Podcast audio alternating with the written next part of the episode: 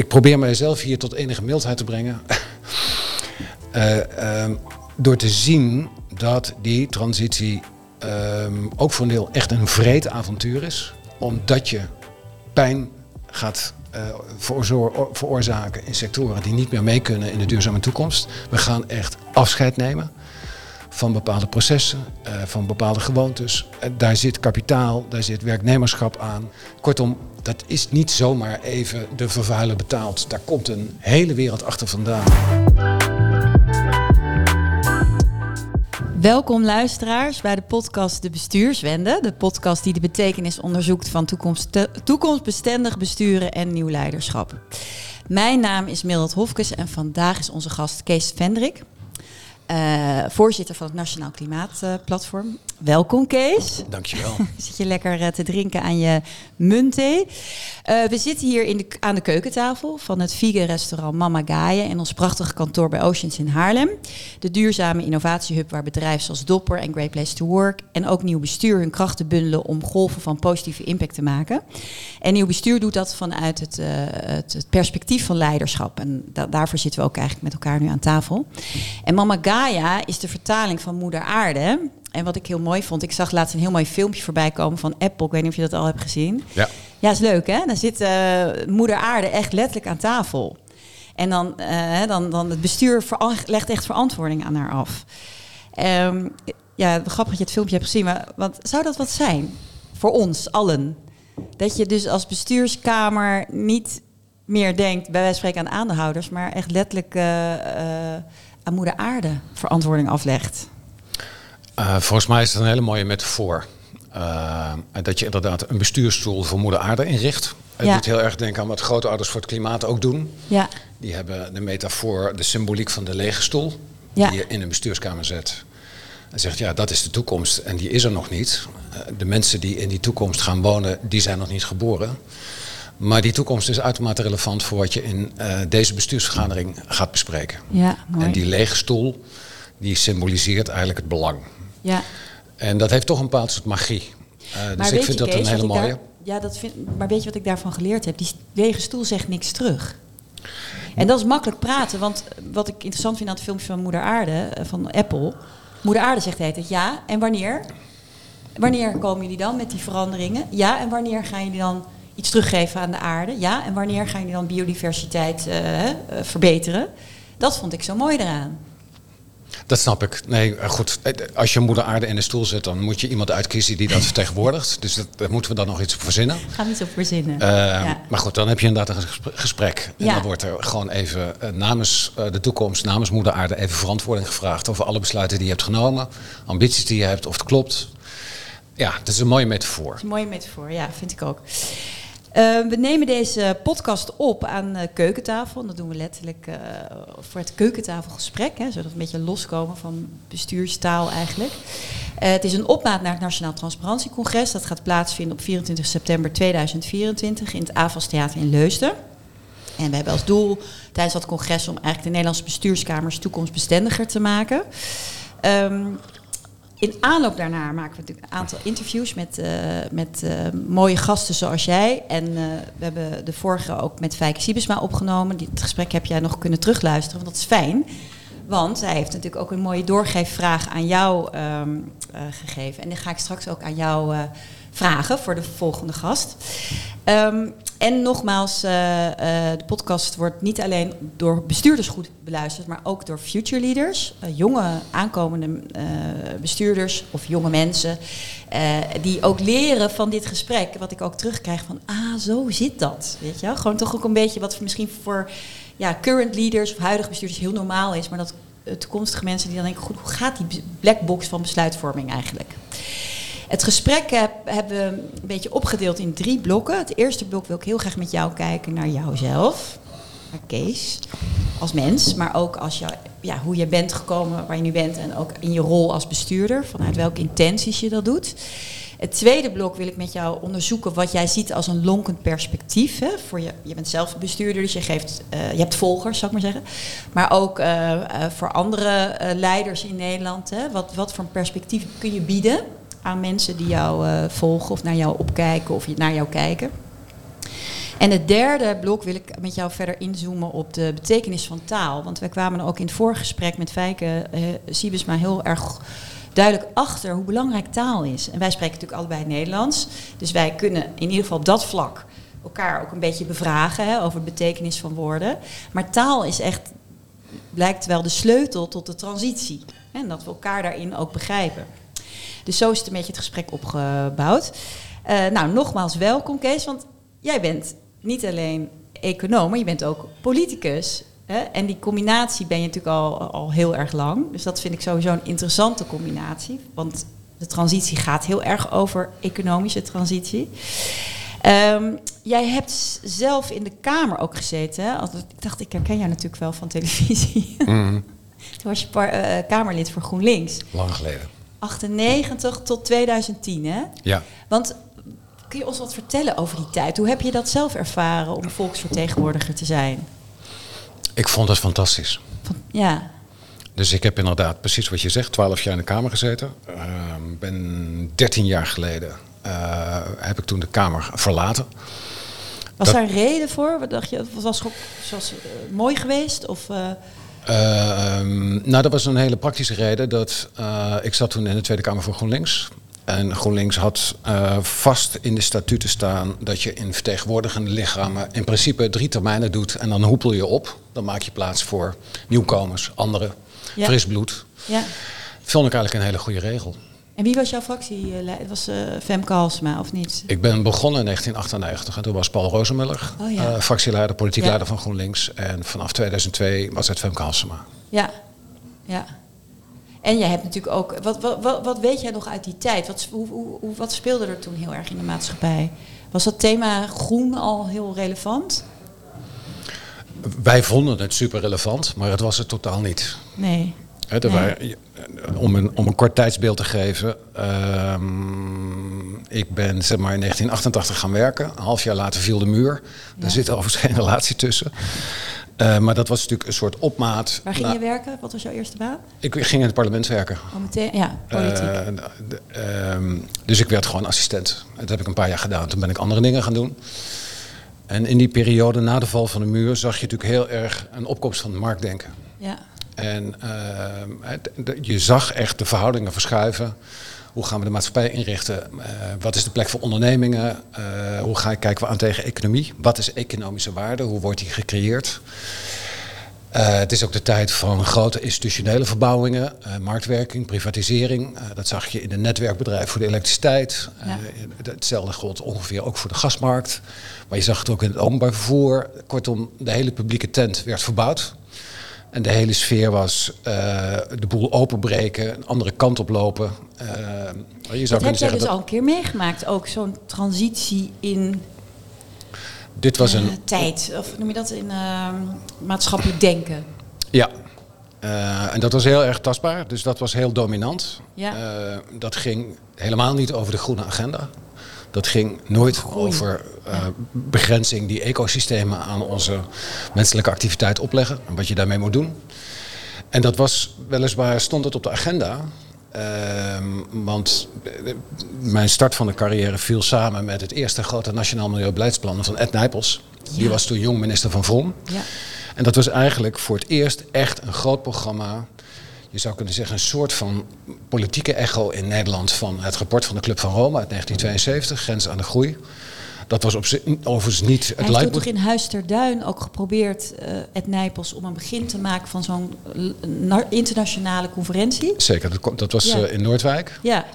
Dat was iets later. Uh, in ieder geval dat Nationaal Milieubeleidsplan was echt de uitdrukking van allerlei zorgen over wat ja. we met de natuur en met de ecosystemen aan het aanrichten zijn. Het was vooral geconcentreerd op Nederland. Dus het ging over natuurgebieden, het ging over zure regen, het ging over allerlei uitstoot van een wegverkeer van industrie.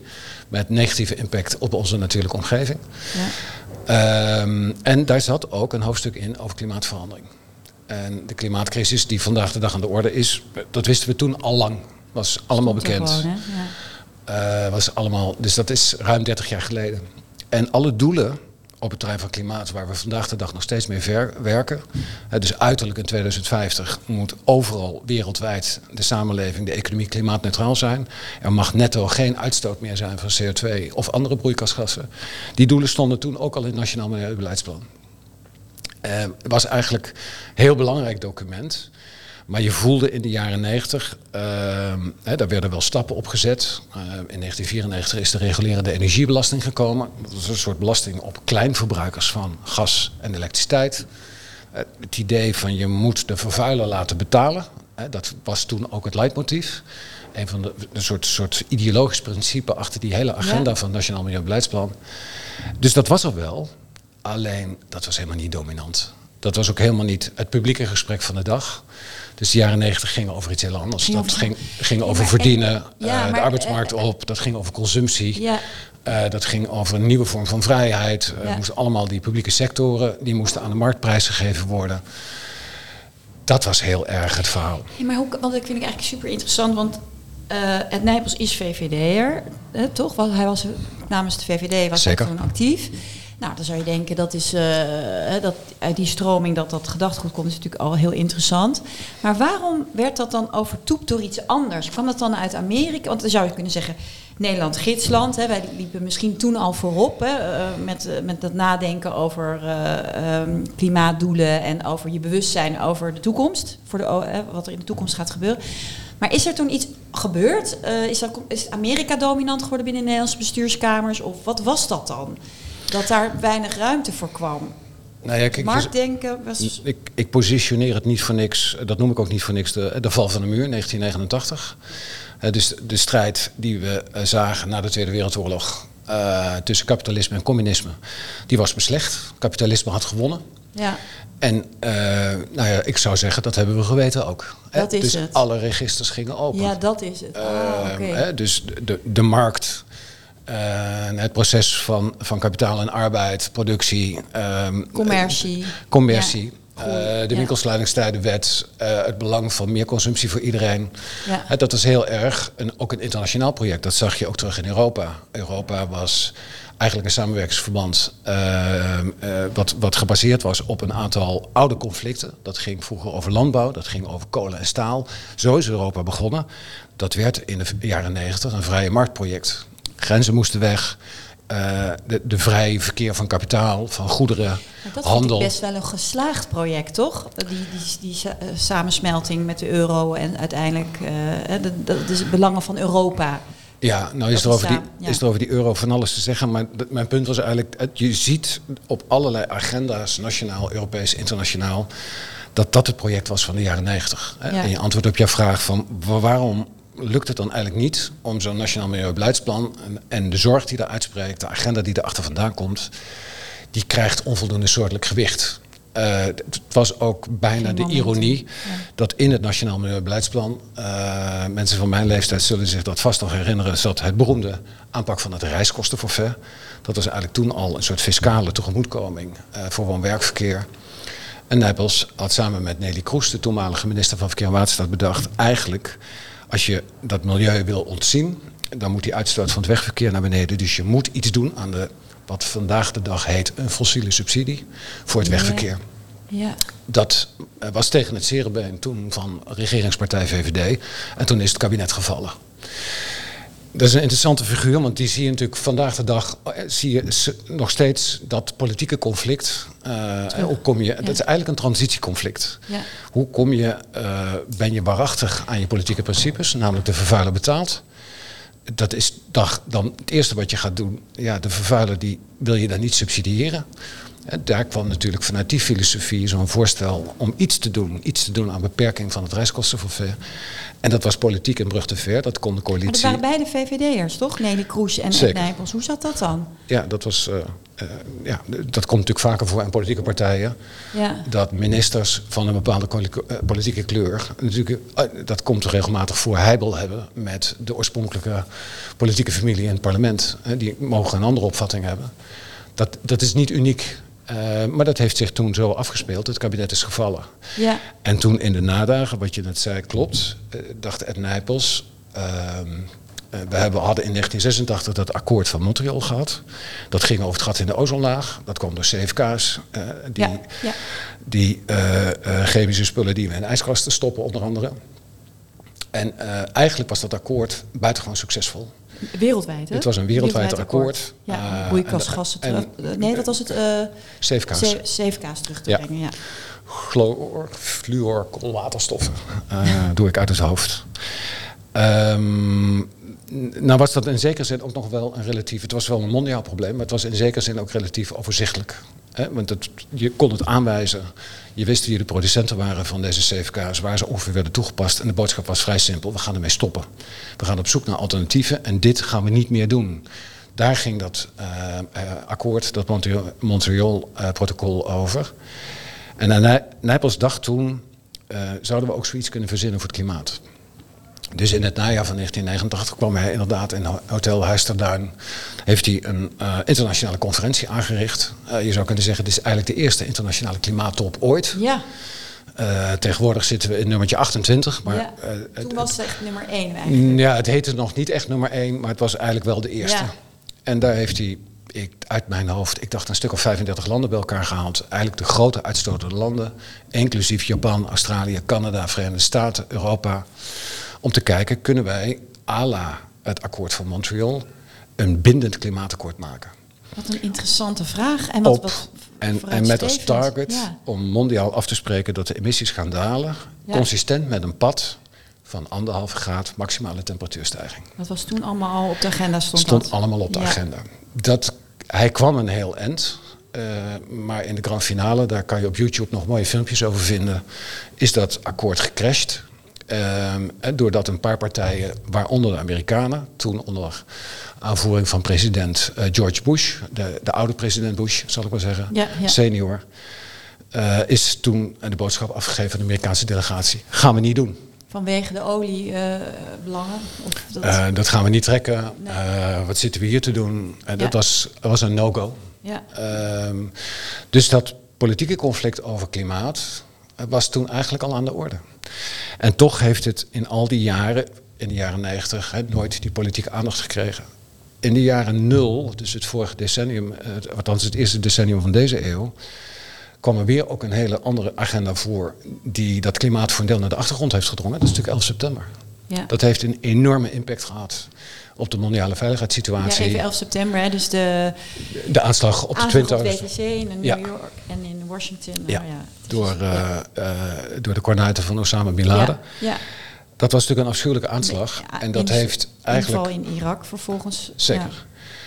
En ehm, eh, wat er toen gebeurde is dat die aanslag symboliseerde eigenlijk het conflict wat Osama Bin Laden zocht. Het conflict tussen moslims en ongelovigen. Dat wilde hij op de agenda zetten.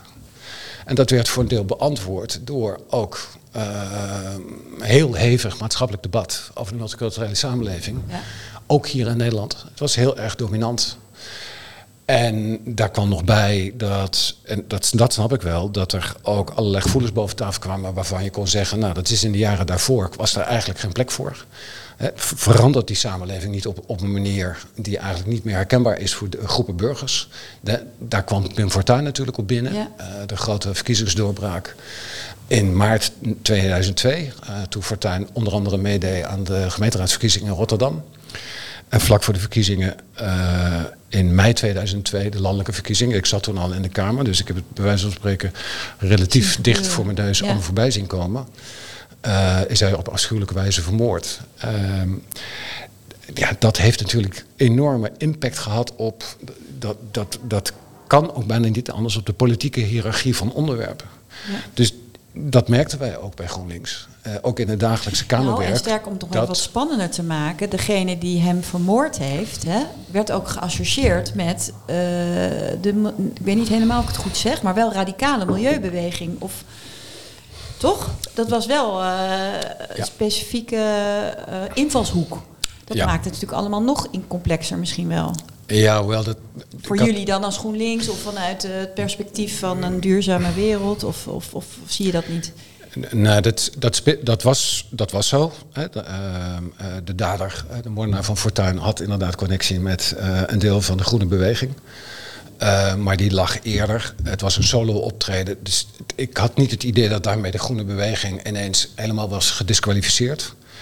Maar dit, deze ontwikkeling van gebeurtenissen van 11 september tot de moord op Fortuyn, het, het debat wat losbarstte over de multiculturele samenleving, over identiteitspolitiek, uh, wat, wat is het om Nederlander te zijn, de kwestie van dubbele paspoorten, ja, uh, ja de, de steeds vijandelijker houding tegenover een deel van de Nederlanders, namelijk zij van een islamitische achtergrond, dat, dat overwoekerde natuurlijk die politieke agenda. Dat, dat bracht ook weer een nieuwe ordening in de politieke hiërarchie der dingen. Ja opnieuw kwam het belangrijke thema van klimaatverandering. Uh, dat overleefde dat natuurlijk nee, niet. Dat overleefde niet. Interessant hoor. en um, dus dat heb jij mee kunnen maken tot 2010. Hoe stond het toen, uh, toen jij de Kamer uitging met die agenda? Was er toen al wel meer ruimte? Of, of zeg je nou in 2010 was, dat, was er ook nog zo helemaal geen ruimte voor klimaatverandering? En voor de transitie, het was, geen, het, uh, het, was nog steeds geen topthema. Uh, want dan heb je 2001 de aanslag op, ja. uh, op de Twin Towers. Je hebt 2002 de aanslag op Fortuin. En dan heb je in 2008 de financiële crisis. Ja, verdomd. Wat natuurlijk een geweldige ja. ravage. Ik was destijds ja. ook woordvoerder op dat. En het feit alleen al. En ik heb nog soms steeds het idee dat de impact van die gebeurtenis nog steeds nasuddert, nasuddert uh, ondergronds doorgaat. Kijk, wat er met de financiële crisis eigenlijk gebeurd is, uh, de, de, beste term die ik ervoor kan verzinnen is eigenlijk contractbreuk. Tussen de bevolking en het financiële systeem of tussen de maatschappij? En... Nou ja, kijk, ik, ik, hoorde in het gesprek met Fijke Siebesma dat jullie het gehad hadden hè, over het maatschappelijk contract. Wat zijn nou eigenlijk de basale afspraken in het leven? Hoe doen we de dingen met elkaar? Ja. Waar kunnen we... Op vertrouwen. Op vertrouwen. En, en wat zijn dus, ja, zeg maar toch een soort van spelregels. Ja. Vanaf de jaren negentig was een van de spelregels... Uh, luister, we gaan die economie heel veel ruimte bieden. Uh, want we willen ook meer werkgelegenheid. Dat was natuurlijk ook naslip van de jaren tachtig, massale werkloosheid. En het idee is toch wel dat als het niet goed gaat, moet je toch een beetje voor jezelf zorgen. Want het grote project van na oorlog, de verzorgingsstaat, waren we eigenlijk aan het uh, afbouwen, aan het saneren. Afbouwen is een groot woord. We probeerden dat kleiner te maken. Uh, dus denk aan enorme debatten in de jaren negentig over de WHO, over de WW. Uh, er is bijna geen sociale zekerheidsregeling die we uit de jaren 50, 60 en 70 hadden georven, die nog ongeschonden was. Alles is toen omgeploegd, verbouwd. Met uiteindelijk als oogmerk uh, de aanspraak van burgers op sociale zekerheid moet in principe kleiner, het moet goedkoper. Um, en dat was natuurlijk ook een notie dat er heel veel burgers waren die ten onrechte gebruik maken van sociale zekerheid. Dat is ook een link naar wat er vandaag de dag gebeurt rond kinderopvangtoeslag en fraudewet. Ja. Ja. Toen is dat debat echt begonnen. Dus de boodschap was eigenlijk aan Nederlanders: ja, als het misgaat op de arbeidsmarkt, raak je werkloos of uh, gaat je onderneming failliet, zorg voor jezelf. Dat was de boodschap. Zo werkt de economie. Je mag doen wat je wil binnen de grenzen van de wet, maar gaat het mis? Ja, moet je toch eigenlijk, ben je toch min of meer aangewezen op jezelf. Die kant gaan we op. Wat gebeurt er bij de financiële crisis? Er ontstaat een ravage die eigenlijk vanuit Amerika is geïmporteerd omdat ook Nederlandse financiële instellingen en ook de Duitsers en de Fransen, al die banken, hebben daar een rol in gespeeld, uh, producten hebben gekocht die eigenlijk een soort nucleaire bom zijn op je balans. Ja. Die is ontploft door de crash op de Amerikaanse woningmarkt. Banken gaan onderuit. En die banken zijn eigenlijk niet zozeer eigenaar, maar die vormen met z'n allen het nationale financiële systeem. Dat is natuurlijk een publiek belang van fenomenale orde. Ja. Dat kan je niet laten vallen. Dat betekent namelijk vrij praktisch dat er grote rijen staan met de pinautomaten, dat er geen geld komt dan maak je letterlijk je hele economie kapot. Dan, dan is het wantrouwen nee, verondersteld. En, en ja. om, het, om het Ja, punt van die contractbreuk nog even af te maken. Op dat moment stapt de overheid in. Ja, daar wou ik het over hebben. Want jij zat in de Kamer. En op dat moment stapt de overheid in, want die zegt: ik kan dat financiële ste- systeem niet laten vallen. En dat is een terechte keuze, want de overheid. Jan-Peter Balken en Wouter Bos, hè? Ja, Wouter Bos. Ja. En zei niet, dat gebeurde ook in Duitsland, het gebeurde in Frankrijk, het gebeurde internationaal, Amerika, in dito. En dat heeft natuurlijk eh, een ehm, grote maatschappelijke verontwaardiging opgeroepen. Ook vanuit die gedachte, die belofte die ontstond in de jaren negentig. Als het fout gaat, moet je het zelf Moet je het oplossen. zelf oplossen. Dus waarom die En banken hier nu gaat niet? het fout. Ja. En het wordt niet opgelost. Het terug, wordt hè, zelfs op kosten van de belastingbetaler wordt er miljarden gestoken om dat financiële systeem te stutten. En dat is aan de ene en dat is natuurlijk een soort enorme tragiek. Want het is onvermijdelijk. Je kan dat financiële systeem niet in het ravijn Laten laten, vallen. laten vallen. Want dan zijn we nog veel meer kwijt dan alleen die pinautomaten. Dat is een ongekende maatschappelijke ravage. Dat weten we. Dat weten we uit de geschiedenis. Dat weten we ook. Denk aan Griekenland 2015. Die heel dicht bij dat punt zaten. Wat voor een eh, ja, maatschappelijke ravage, eh, economische schade en enorme sociale impact heeft, vooral op kwetsbare mensen. Dat kan je niet laten vallen. Dus je moet ingrijpen. Je moet een greep doen in de schatkist. Omdat je niks anders in handen hebt dan eh, in te stappen in balansen, posities, bepaalde producten afdekken, garanties geven, investeren. En tegelijkertijd is het contractbreuk. Oké, maar dat vind ik interessant, want dat is in een weekend gebeurd. Voor, hè, als die reconstructie van. Zeker. ehm, het, het ging over ABN Amro, hè? En eh, de, eh, niet de SNS-bank, maar de. eh, wat was die andere bank? Fortes. Fortis. En, ehm, want ik ben dan eigenlijk zo benieuwd met terugwerkende kracht. Want we hebben een kabinet, we hebben een parlement. De volksvertegenwoordiger die controleert natuurlijk het kabinet. Dan wordt er zoiets fundamenteels gedaan. Hè. Toen ging het om 16,8 miljard eh, uit mijn hoofd, als ik het goed heb. Dat, eh, dat was toen ongekend veel geld. Nu, nu, nu, nu gaan we, zijn we al met hele andere bedragen bezig hè, van publiek geld. Maar bijvoorbeeld in het klimaatfonds. Maar en daar is overnight eigenlijk, nou niet overnight, maar jij zegt er was geen alternatief, dus ze moesten dat geld ter beschikking stellen. Maar dat is eigenlijk van een ongekende orde, want dat is publiek geld. Zeker. Wat niet naar onderwijs, zorg, eh, publieke diensten kon gaan. Zeker. En jij zat in de Kamer. Ja. En jij was woordvoerder, eh, ook financieel, eh, financieel woordvoerder, of dat niet? Want hoe gaat dat dan? Want waar kan het kabinet dan buiten het parlement om zo'n besluit nemen? Uit nood? Of hoe werkt dat? Eh, nou, simpelweg gez- eh, gezegd, eh, ze hebben het in twee weekenden gedaan. En het eerste weekend is Fortis ABN AMRO. ABN AMRO was toen, in, een grootste deel van ABN AMRO was toen overgenomen door Fortis. Ja. Er zat nog een ingewikkelde deal ervoor, maar goed, laat dat even. Het eerste weekend hebben ze de helft overgenomen. En dat merkten ze vervolgens in de week dat dat niet werkte. Toen hebben ze de hele boel genationaliseerd. Ja. Ehm, en ja, het is gewoon waar. Dat eh, is. Wat is waar? Het is waar, dat is volledig buiten het parlement omgegaan. Normaal is het zo, daar heb je een zwaar bevochten, in de geschiedenis bevochten budgetrecht voor. Het parlement bespaalt waar geld naartoe gaat. Eh, dus alles wat de regering wil uitgeven, verplichten, garanderen, lenen. Je verzint het maar overal waar een publieke euro in zit. die wij als belastingbetalers hebben opgebracht. Het parlement is degene die besluit of er een mandaat komt voor de regering om conform een ingediend plan geld uit te geven. Dat was hier totaal niet aan de orde. Er is gecommitteerd door de minister van Financiën omdat het een noodsituatie was. En pas later is het parlement verteld, we hebben dit gedaan. Dat is een overtreding van de, begrotingswet, eh, de, de begrotingsregels zoals we die hadden. En daar zijn we ook wel achteraan gegaan. Gezegd, dit gaat natuurlijk nog vaker gebeuren. Dit was de meest spectaculaire. De, uiteindelijk de nationalisatie van Fortis, ABN AMRO. Maar daarna zijn nog een aantal kapitaalsinjecties geweest. Onder andere voor ING. Er zijn nog garanties Ja. afgegeven. Ja. Eh, dat ging ook allemaal om een grote som geld. En daar zijn we wel als parlement bovenop gedoken. Zeg, wacht even, je kan niet zomaar geld uitgeven. Nee. Dan moet een, eh, ook al is het een noodprocedure, je zorgt maar dat je ons weet te vinden. En dat wij als woordvoerders van de grote fracties, alle fracties, in ieder geval snappen wat hier gebeurt. Ja. En dat er een vorm van overleg is. Ja. Eh, kijk, in, op een, als je in een uur tijd moet besluiten of je inderdaad een bepaalde interventie pleegt, omdat de paniek op financiële markten zo groot is, dan snap ik ook dat je niet eh, de tijd hebt om net ne- een heel net begrotingswetsvoorstelletje te tikken, dat naar het parlement te sturen, een advies bij de Raad van State. Zo is het normaal. Maar het minste wat je doet, is dat je vooraf het parlement informeert. Via de, of de financiële woordvoerders of via de eh, Ik vind het fractievoorzitters. echt best wel heftig. Want, zou dit dan, eh, want wie bepaalt dan dat het een noodsituatie is? Nou ja, dit was in zekere zin eh, eigenlijk noodrecht. Eh, dat was niet beschreven. Ja, dit is niet het, beschreven, het was naar de letter van de wet op dat moment eh, niet toegestaan. Het was eigenlijk zogezegd illegaal. En later eh, zijn in de begrotingsspelregels hoe gaat het kabinet om met publiek geld? Hoe, vraagt ze mandaat, autorisatie van de Kamer om geld te mogen uitgeven of te verplichten?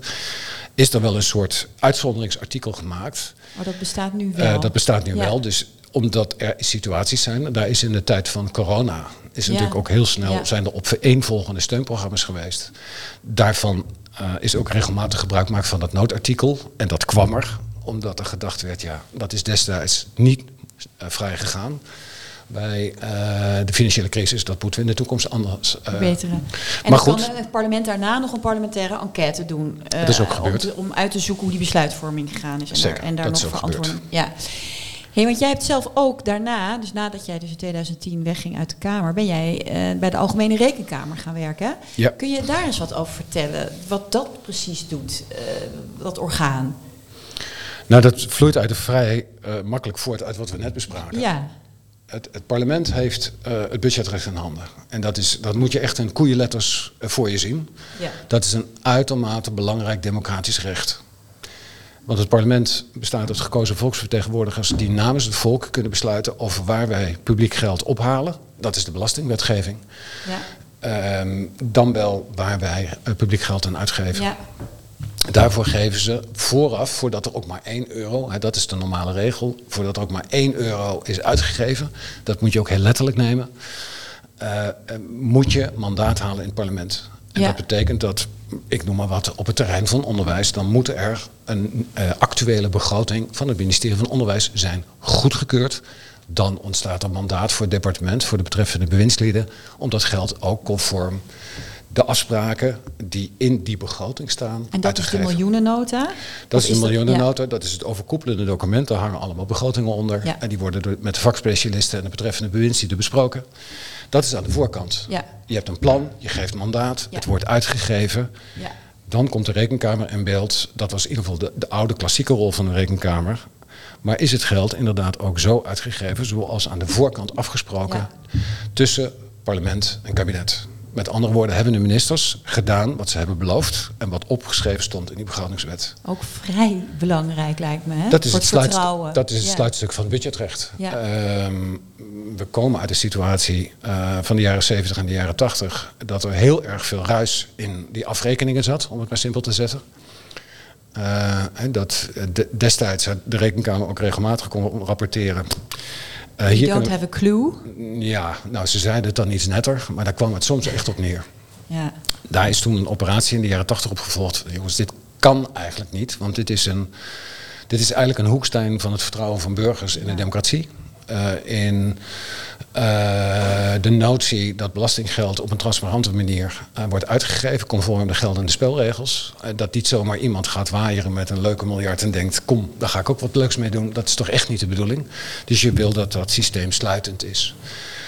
Ehm, en daar, dat begint al in de jaren tachtig. Daar is vele jaren overheen gegaan om eigenlijk die, eh, die, dat hele proces van dat budgetrecht... om dat te professionaliseren, scherper en harder te maken. Dus in de periode dat ik bij de rekenkamer kwam... ehm, was dat probleem nog steeds wel af en toe eh, borrelde dat op. Want het gaat om zoveel geld, over zoveel departementen en zoveel posten. Er zijn natuurlijk regelmatig dingen die eh, nog wel eens net niet goed gaan of onduidelijk zijn... Nou, dan is de rekenkamer toch ook een beetje een duizend dingen doekje om de boel even op te poetsen. Te zeggen, wat is hier gebeurd? Parlement, dit zijn mijn bevindingen. Uiteindelijk moet het parlement dan zeggen, wat gaan we daarmee doen? Ehm, een ander onderdeel, en dat vond ik het meest interessant in het rekenkamerwerk. Als je nou publiek geld tot besteding brengt, doe je daarmee de goede dingen. Ja. Nou. En dat is natuurlijk een En hele- Wat is, wat, is goed, wat is het goede? Voilà. En dat is een, eh, dat is een hele makkelijke vraag. En ja, dan moet je echt diep voor graven en heel goed kijken. ehm, Is het goed besteed? of het goed besteed Ja. is, of mensen er iets aan hebben. En wat de bedoeling is natuurlijk voor die publieke begroting, dat daar publieke waarde mee wordt gecreëerd. Ehm, of je het nou over onderwijs hebt, of delen van de gezondheidszorg, of je hebt het over verkeer, openbaar vervoer. Overal komen publieke middelen terug. En er is natuurlijk een aanhoudend, eigenlijk permanent idee. We moeten echt met z'n allen zien te bewaken. Parlement, maar ook instituten als de Rekenkamer. Maar je hebt daar ook onderzoeksinstituten voor, de ministeries Ja, zelf. heel veel onder. Maar vind je dat het Eh, goed functioneert nu? Nee, kijk, Of naar. Ja, La- laat ik een overstap maken is naar. misschien te groot, maar de- eh, die sy- systemen die opgetuigd zijn, hè, want dit budgetre- budgetrecht en zo, dat is super belangrijk ook voor wat er nu allemaal aan bestedingen op de rol staan voor klimaatfonds enzovoort. En Zeker. hoe- wie bepaalt welk geld goed besteed wordt, vind ik echt een hele reden van de vraag. Want straks ga ik nog met je op door. Ja. Maar even, jij kan een beetje van binnenuit bekijken. Vind jij dat het nu dat allemaal wel relatief goed functioneert? Mogen we daarop vertrouwen als uh, buitenwereld, als burgers? Of zeg je nou, daar hebben we wel nog wat te doen? Uh, volgens mij het laatste. Ja.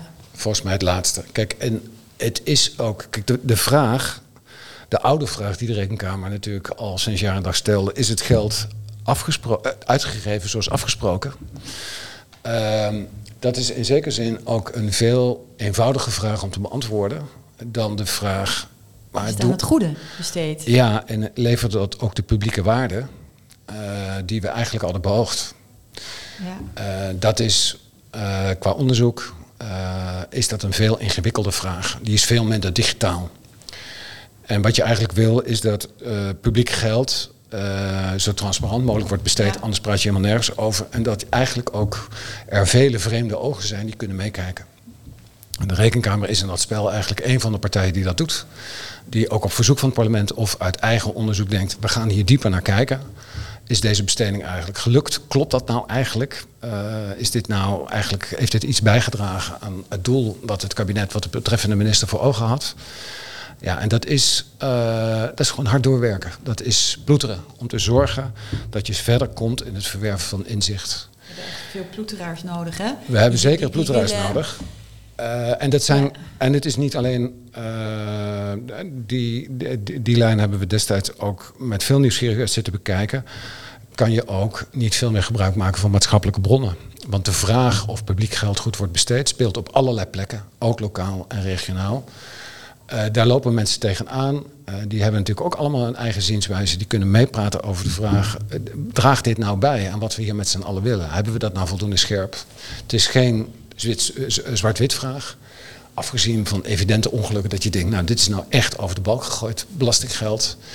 Maar dat is echt een vergaande minderheid. Maar het is echt super boeiend. Het licht wat jij er nu op stelt van, op. op, op het, het, licht wat jij er nu op zet van uh, enerzijds, dus de rekenkamer die controleert of het geld zoals afgesproken is besteed. Hè?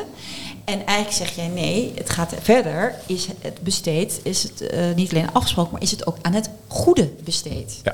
En dan komt nou ja. er eigenlijk duiding op. Ja, is het, dat heet dan officieel, is het doelmatig, is het doeltreffend? Aan de publieke waarde. Uh, ja. wat, wat hadden we nou bedacht?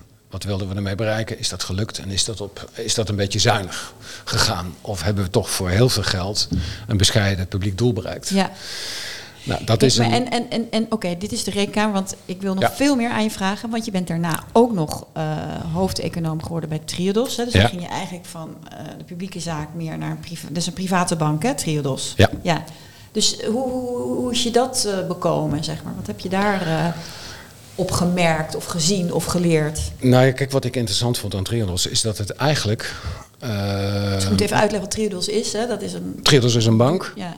Uh, die in 1980 is opgericht. Uh, die bestaat dus nu, wat is het, 43 jaar. Ik ben in 2017 op verzoek van uh, toenmalige CEO Peter Blom ben ik, bij de bank gaan werken.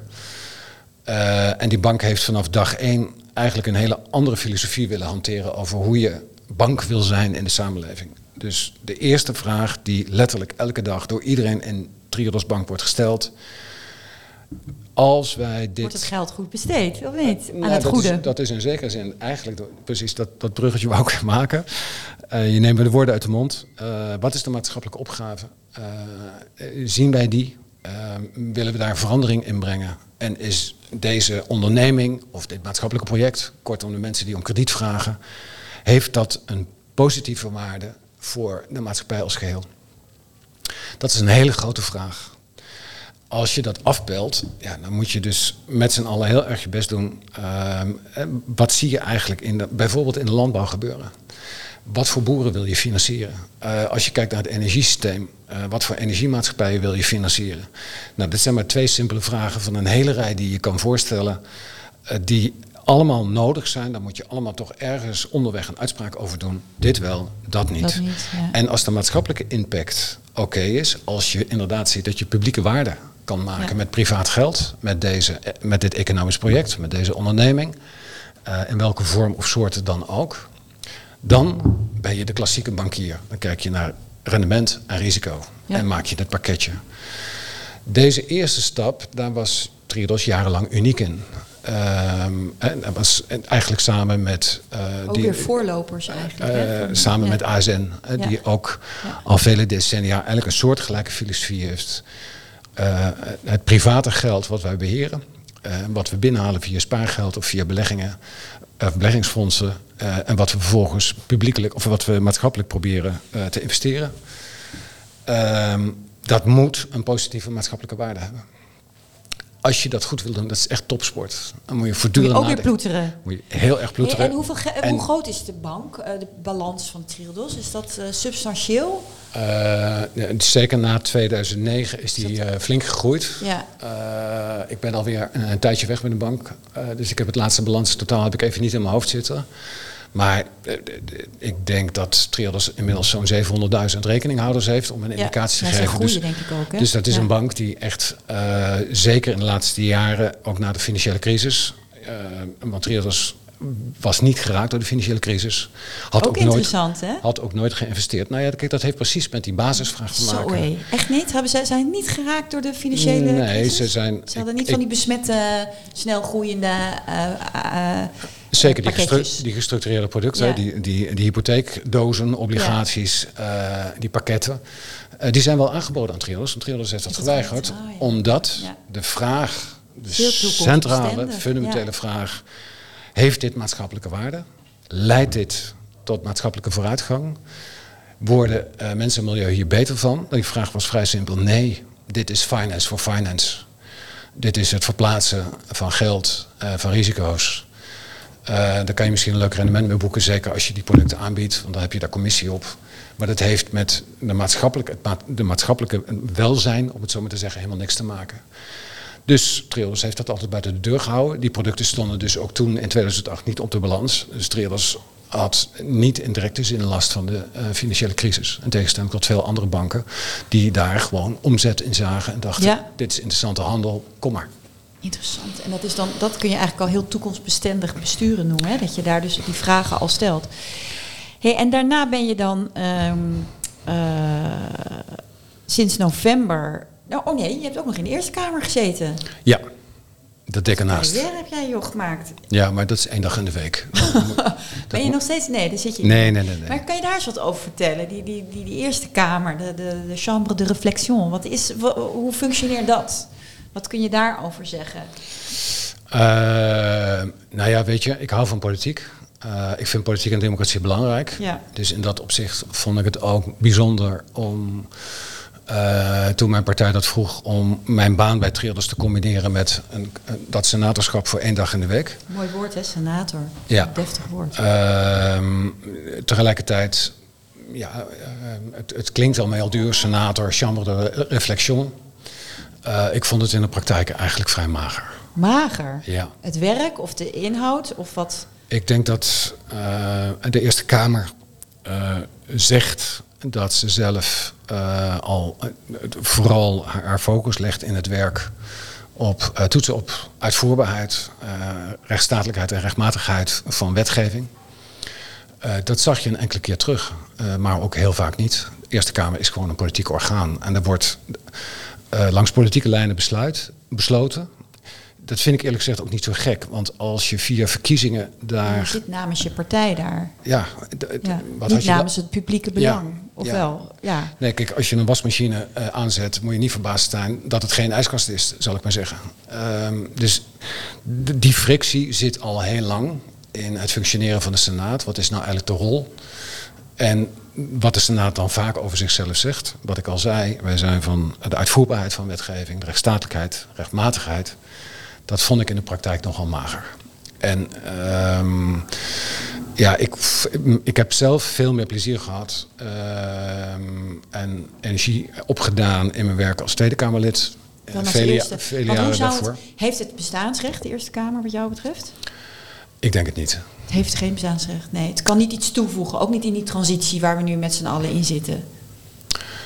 Nou, dat is een hele goede vraag. Maar ja, kijk, de transitie is uiteindelijk voor een deel natuurlijk ook een politiek project. Ja. Eh, want het gaat daar ten diepste over Nou. de vraag: Nou, wat, wat is een rechtvaardige transitie? En En als je hoe gaan we publieke middelen eh, inzetten daarvoor, Bijvoorbeeld, toch? Bijvoorbeeld. Eh, maar ook als je kiest voor beprijzen en normeren, hè, in die transitie leg je voortdurend kosten bij anderen neer. Ja. Als je kiest voor beprijzen en normeren, dan loopt het niet via de, de rijksbegroting. Ehm, doe je dat wel, dan heb je ook weer verdelingseffecten. Ja. Want die middelen die je uitgeeft, bijvoorbeeld via een klimaatfonds, ja, die moeten wel opgehoest worden via belastingen en premies. Eh, dat doen we dan met z'n allen, maar daar zitten ook bepaalde balansen in. Dus het fundamentele vraagstuk van klimaatrechtvaardigheid, ehm, dat vind ik een vraagstuk voor de democratie. Dat vind ik een vraagstuk eh, bij uitstek ook voor de Tweede Kamer om keer op keer de meetlat van de rechtvaardigheid langs de transitie te leggen. Maar die Eerste Kamer kan daar dus geen rol in spelen, wat jou betreft. Of zou dat een soort. Kijk, Het wij is- hebben al lang door dat die energietransitie die vraagt enorm veel. Oké, ploeteraars, dat vraagt ar- eh, inzet. Dat vraagt ruimte om met elkaar het gesprek te voeren, de dialoog te voeren. Dialoog is het sleutelwoord, hè, samenwerking. Waarom kan die Eerste Kamer daar niet een rol in spelen? Nou, ik zeg niet dat het niet mag. Eh, ik zou het heel mooi vinden. Nou ja, misschien kunnen, ze, kunnen we ze wat meegeven om zichzelf te vernieuwen in een richting waar ze wel heel functioneel kunnen zijn voor de, de, transitie. Ja, maar goed, ik, ik- dit debat over de Eerste Kamer en wat is de rol en positie, dat debat dragen we al decennia met ons Ja. mee.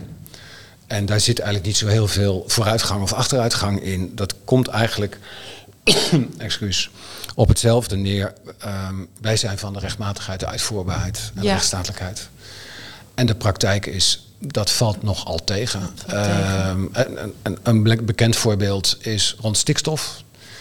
Eh, de rechter heeft in 2019 gewoon echt een klap uitgedeeld tegen de politiek. Nu is het echt afgelopen. Ja. Jullie zitten voortdurend geitenpaadjes, loopholes in Europese natuurwetgeving eh, te zoeken.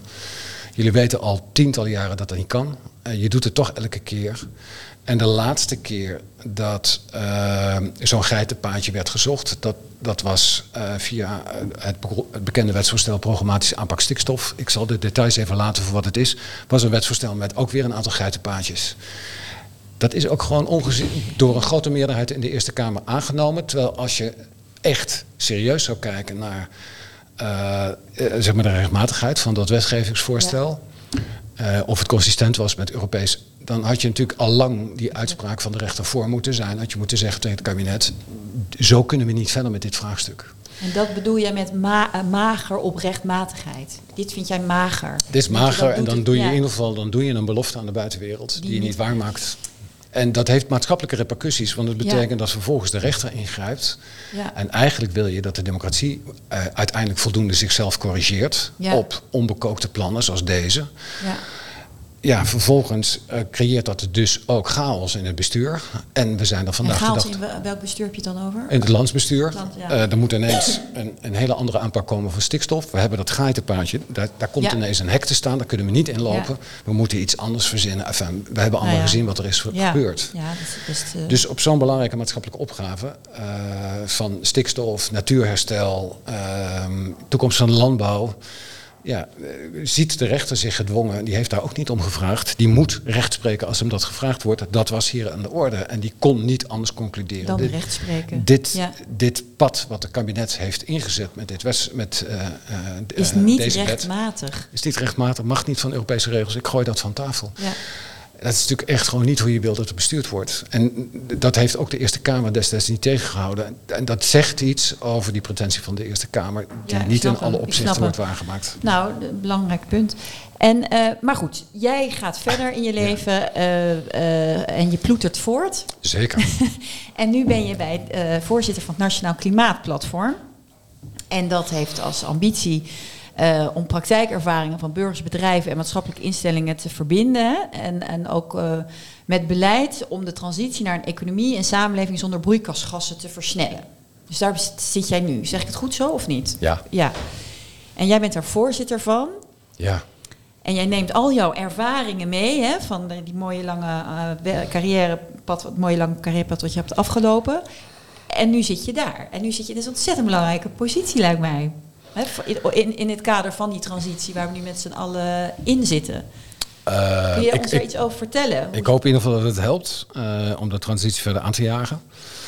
Kijk, misschien één om, om het, eh, het- het draadje met het, de, de vorige decennia waar we het net over hadden, even vast te houden. ehm, ook in dit decennium, vanaf 2010, 2011, toen de politiek uitging, was het ehm, heel moeilijk om echt een topprioriteit te maken van de klimaat- en energietransitie in Nederland. Ja. Dat heeft er zelfs toe geleid dat er van buiten de politiek in 2012 partijen zijn opgestaan, uiteindelijk naar de Sociaal-Economische Raad zijn gelopen. Dat is uiteindelijk het energieakkoord geworden. Godzijdank, maatschappelijk initiatief, helemaal buiten de politiek om, omdat er geen solide meerderheid was in de Kamer en ook niet een kabinet wat zei, hier willen we werk van maken. Dat zijn die klimaattafels dan? Om, uh... nou, het energieakkoord was eigenlijk één tafel. Ja. Ehm, simpelweg gezegd, dat ging eigenlijk over uh, hoe kunnen we meer hernieuwbare elektriciteit produceren. Hoe komen we af van de kolencentrales en uh, hoe kunnen we in de toekomst productie van elektriciteit uit gascentrales gaan afbouwen. Simpel gezegd, daar ging het energieakkoord over. Um, uh, en dat was eigenlijk, uh, is dat heel succesvol geweest, want in dat energieakkoord zat bijvoorbeeld ook een afspraak. We gaan uh, duurzame hernieuwbare energieprojecten ontwikkelen, bijvoorbeeld wind op land, wind op zee. Ja, en dat willen we wel, dat dat over, naarmate de tijd voordat, dat dat steeds goedkoper wordt. Ja. er is een soort verwachting in de markt gelegd, we willen kostprijsreductie. Want het is, was op dat moment nog relatief duur. Dat is allemaal spectaculair gelukt. Hè? Duurzame energie vandaag de dag in Nederland is veel goedkoper dan het ooit geweest is. Dat is natuurlijk heel fijn voor de transitie. Dus dat energieakkoord heeft, 2012, uit 2012 heeft een grote waarde gehad. Ja. Ja, volgens mij is het begin 2013, als ik me goed herinner, uiteindelijk afgesloten. Maar goed, dat doet er niet toe. Vijf jaar later heeft, uh, was toen het idee, we moeten dat akkoord en het bereik daarvan moeten verbreden. En dat is een heel moment geweest om, waarbij je eigenlijk ziet uh, dat, dat grote thema van die klimaat- en energietransitie eigenlijk hoger op de politieke agenda komt. Dat was de tijd van het klimaatakkoord. Ed Nijpels uh, is toen gevraagd, maak voor ons, het was een opdracht van het kabinet. Sommigen zeggen dat klimaatakkoord is buiten de politiek tot stand gekomen. Dat is volstrekt niet het geval. Het was in opdracht van de politiek. Uh, maak voor ons een akkoord wat dekkend is voor Nederland. Het gaat echt over de nationale uitstoot uh, van alle sectoren. We tellen alles bij elkaar op en voor alles moet er een plan komen. Elektriciteit, industrie, gebouwde omgeving, mobiliteit, landbouw en landsgebruik. Dat zijn vijf tafels geworden. En ik kreeg toen het verzoek van Erik Wiebes of ik de elektriciteitstafel wilde voorzitten.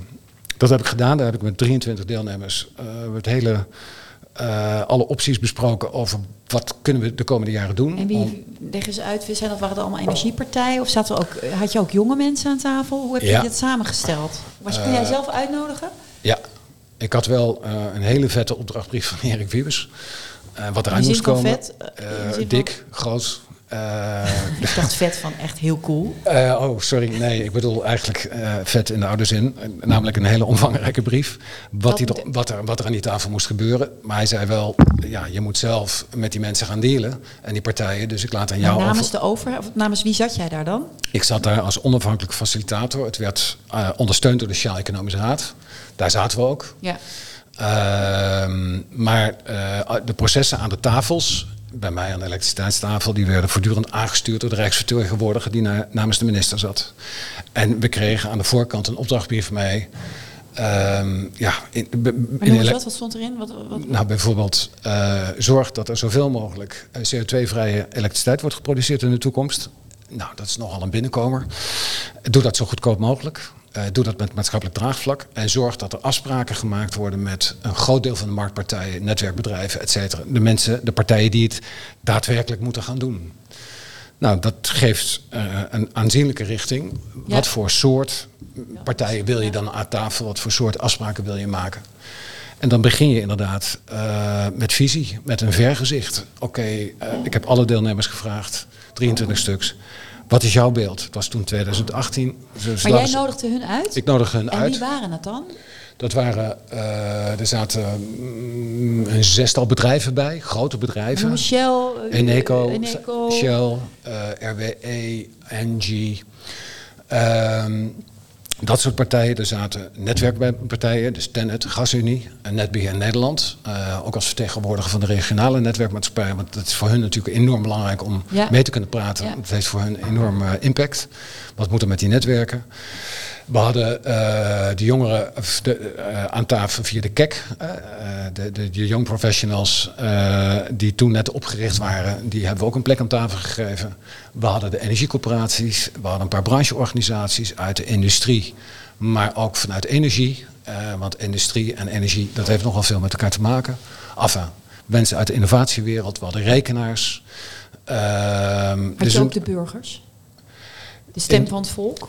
Uh, de stem van het volk niet rechtstreeks in de zin dat er tien burgers bij zaten die konden pretenderen dat ze namens het volk konden spreken. Het was wel zo dat ik gekeken heb, was ook voor mij reden om de FNV bijvoorbeeld uit te nodigen. Ja, Ik zat wel te kijken naar wat vertegenwoordigen deze organisaties. Want ja. voor deel zijn het gewoon marktpartijen, die, die hebben een kolencentrale en die willen straks wind op zee. Prima, welkom, kunnen we zaken mee doen. Want zij moeten geloof hebben in het plan wat je daar met z'n allen gaat maken, anders dan ben je de markt kwijt. Maar ik keek ook heel nadrukkelijk naar, zijn er andere deelnemers die een soort maatschappelijk uh, uh, anker hebben met leden, uh, dat je een zo groot mogelijk bereik hebt. En dat deed ik niet alleen, dat deed Ed Nelpens ook. Dus boven die tafels hing ook een soort klimaatberaad, waar ook weer een aantal grote maatschappelijke ja, spelers in zaten. Heel goed eigenlijk, hè? Want eigenlijk zou je denken, zo zou een parlementaire democratie kunnen functioneren. Of het polderen, of het met z'n allen achter de dijk de, de, tot oplossingen komen. Zo klinkt het. Dat was het idee. Het ging ook niet allemaal vanzelf goed. Uh, Weer ploeteren. Uh, heel veel ploeteren en bovendien ontzettend hard werken. Uh, maar wel met ontzettend veel plezier. Omdat ik dacht, en terug naar de, de, de, wat grotere lijn in ons gesprek. Dit is nou echt een kans. Ja. Een kans om voor het eerst voor Nederland een gedragen plan te maken. Hoe we dat enorme vraagstuk van die klimaat- en energietransitie gaan aanpakken. En dat Nederland in plaats van achter, achterblijven, want dat waren we inmiddels geworden. we liepen in alle lijstjes zaten we ja, onderaan. Bizar. Zou je niet, uh, past ons toch niet? Zoveel gebrek aan politieke aandacht heeft dus consequenties. Ja. Dat merk je ook ja. na verloop van een aantal jaren. Politiek is zo'n belangrijke zin dit. Zeker, dat geldt overigens ook uh, uh, in andere landen. Daar zijn we niet uniek in. Maar dit was de geschiedenis. En ik dacht, ik werk heel graag mee aan het klimaatakkoord. Dit wordt natuurlijk nooit een perfect plan. maar het is wel de eerste kans eerste gelegenheid die we echt hebben, voortbouwend op dat energieakkoord, hè, wat ging ja, alleen maar over elektriciteitsproductie, dat moeten we eigenlijk nu verbreden. Nou, dat heeft, denk ik, uh, en dat, we deden dat in opdracht van de politiek. Dus we hebben natuurlijk ook voortdurend geschakeld met de ministeries, via de Rijksvertegenwoordigers. En de ministeries hebben natuurlijk geschakeld met de Kamer. Uh, dat was natuurlijk geen perfect plan. Heeft ook ongelooflijk veel discussie en ook af en toe ruzie opgeleverd. Zo gaat dat. Uh, want er zijn ook enorme belangen in het spel. Ja, en maar jij zegt nu zelf, hè, als vertegenwoordiger of namens het Nationaal Klimaatplatform, uh, het gaat ook pijn doen. Zeker. Want en, en, en zag je dan dat bestuurders verantwoordelijkheid namen aan die tafel? Om die pijn te gaan dragen, bijvoorbeeld? Voelde je dat? Uh, nou, kijk, wat. Um, ik had het in zoverre uh, makkelijk, denk ik, tussen aanhalingstekens aan uh, de elektriciteitstafel. Omdat dat energieakkoord eigenlijk al zijn werk had gedaan. En ik zat dus met grote marktpartijen en die, die hadden werkelijk alles. Maar jij zat niet aan de elektriciteitstafel, toch, maar ja. aan de energietafel? Nee, het, heette, het was elektriciteit. Het heette toen de elektriciteitstafel. Oké. Okay. Um, en wat je zag, um, is dat de, de, de uh, bazen, de bestuurders van de, van de grote maatschappijen, van de commerciële elektriciteitsbedrijven, je zag dat die eigenlijk al bezig waren met dit wordt het nieuwe normaal. We gaan afscheid nemen van fossiel en we gaan naar duurzaam, slash hernieuwbaar, slash CO2-vrij. Um, dat was bij andere tafels niet zo. He, daar was nog veel meer terughoudendheid. Uh, dat speelde in verschillende tafels. Uh, er speelde ook bijvoorbeeld bij de industrietafel van dat moment. Dat is vandaag de dag ook echt anders geworden. Maar toen ja, ja. was toch echt de vraag van... Uh, ja, als deze transitie dan moet... Ja, dan, Wie gaat dat betalen? Dan, dan, wil ik wel uh, Maar daar wil ik dan toch overheid. even nu op doorgaan. Want nu terug naar, naar de vandaag de dag. Hè, as we speak staan er weer vertegenwoordigers van Extinction Rebellion op de A12... om te demonstreren tegen de fossiele subsidies. Ja. Sinds kort weten wij wat dat is. Vind ik ook, hè, want het zijn allemaal nieuwe termen. Ik vind het heel goed dat bijvoorbeeld de NPO 3 ook filmpjes maakt voor jonge mensen om te vertellen wat zijn sub fossiele subsidies. Ja. Uh, en daarom kunnen mensen er nu ook tegen demonstreren. En wat ik mezelf afvroeg, hè, van die strijd die gaat over die fossiele subsidies. Hè? En uh, aan de ene kant die mensen op de A12 die zeggen... het kan natuurlijk niet dat je in een energietransitie... nog steeds die fossiele uh, uh, energiebronnen blijft stimuleren. terwijl dat de CO2-uitstoot natuurlijk de basis is van de klimaatverandering. En anderzijds, dat, dat, het, bijvoorbeeld het geluid van VNO-NCW... dat maar blijft zeggen, ja, maar werkgelegenheid... ja, maar bestaanszekerheid, ja, maar het vestigingsklimaat. Hè, al die vaste uh, bekende termen van waarom het dus wel in stand moet blijven. En ik vroeg mij af, is dit nou een, een, een voorbeeld voor jou van onverantwoordelijk bestuur in Nederland? Dat wij met die fossiele subsidies nog steeds zo in ons maag zitten, ondanks al die akkoorden waar jij het nu over hebt en die bewustwordingsbijeenkomsten. Is er gewoon toch niet door? Hoe kan, hoe kan het dat we nu, anno 2024, bijna nog steeds met dit thema moeten dealen? Of is dat een uh, te complexe vraag? Ik denk dat het uh, aantoont hoe moeilijk de transitie is. En uh, kijk, het, het politieke debat over fossiele subsidies voeren we al vele jaren. Dit is namelijk niet nieuw, dit is al bekend. Al heel lang. Ja. Uh, vanaf de jaren 90, ik zei net al, bij Nijpels, 89, Nationaal Milieubeleidsplan, zijn basisfilosofie was de vervuiler betaalt. Ja. Nou, uh, fossiele subsidies zegt eigenlijk de vervuiler krijgt betaald. Als je uh, zo'n belangrijk principe als de vervuiler betaalt uh, omarmt, ja, dan wil je dat in de loop van de tijd, hè, dat doe je niet van vandaag op morgen, wil je dat terugzien in eerlijke prijzen. Uh, dat duurzame ondernemers die gebruik maken van uh, circulaire grondstoffen, duurzame energie, kortom, uh, dat verhaal, dat die ook een eerlijke concurrentiepositie hebben. dit speelt in de landbouw bij uitstek. er is geen markt, denk ik, waar zo ten nadele van de transitie ja. prijzenvorming tot stand ja. komt. omdat alles allerlei maatschappelijke effecten, externaliteiten, die zijn niet ingeprijsd is eigenlijk al een heel oud verhaal. En daarom was ook de basisfilosofie van Nijpels, dit kun, kunnen we alleen maar uh, aanpakken als we bereid zijn een, een, prijs te hangen aan die vervuiling. vervuiling. Dus de vervuiler betaalt. En uh, dan snap ik nog dat je in 1994 begint met de kleinverbruikers. Want dat is een makkelijke groep, dat zijn wij namelijk allemaal. En dan gaat het over relatief bescheiden bedragen. Niet voor mensen met een smalle beurs, maar wel voor de gemiddelde burger. En dan vraag je ook diezelfde uh, regulerende energiebelasting aan uh, de MKB'ers. En dat had je natuurlijk langzamerhand moeten uitbouwen. Maar Daardoorheen... Ik, ik ga nu, weet je, ik, wat ik opeens zo opvoel komen, dan denk ik, wat ik eigenlijk denk, de, het maatschap, de maatschappij is geen partij voor die grote bedrijven.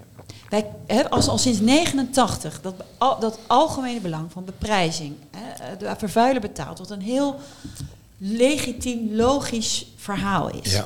En we zijn nu aangekomen in 2023 en nog steeds staat dit punt zo ter discussie dat de, hè, dat de lobbyactiviteiten misschien hè, van, de acte, van de bedrijfsleven, de grote uh, industrie, om die fossiele subsidies langzaam af te bouwen, of wat er dan ook aan ten grondslag ligt, dan denk ik, het is, die, die, die, die maatschappij is dus blijkbaar geen partij meer voor het groot kapitaal. Die kunnen daar dus niet tegen op. Want het is nog steeds niet gelukt in die uh, eh, 30 jaar om het principe, het legitieme principe van de vervuiler betaalt, door te voeren. Nou, het is voor een deel wel gelukt, maar inderdaad niet. Uh, maar zeg ik, bij, is, dit, bij, is dit, wat, wat denk jij als ik dit zeg? Het is voor deel waar uh, dat voor een land als Nederland er ook een serieus issue is. Het is niet alleen maar uh, de politici in Den Haag zijn 30 jaar plat gaan liggen voor de lobby van het grote bedrijfsleven. Die lobby is belangrijk en machtig, dat is absoluut waar.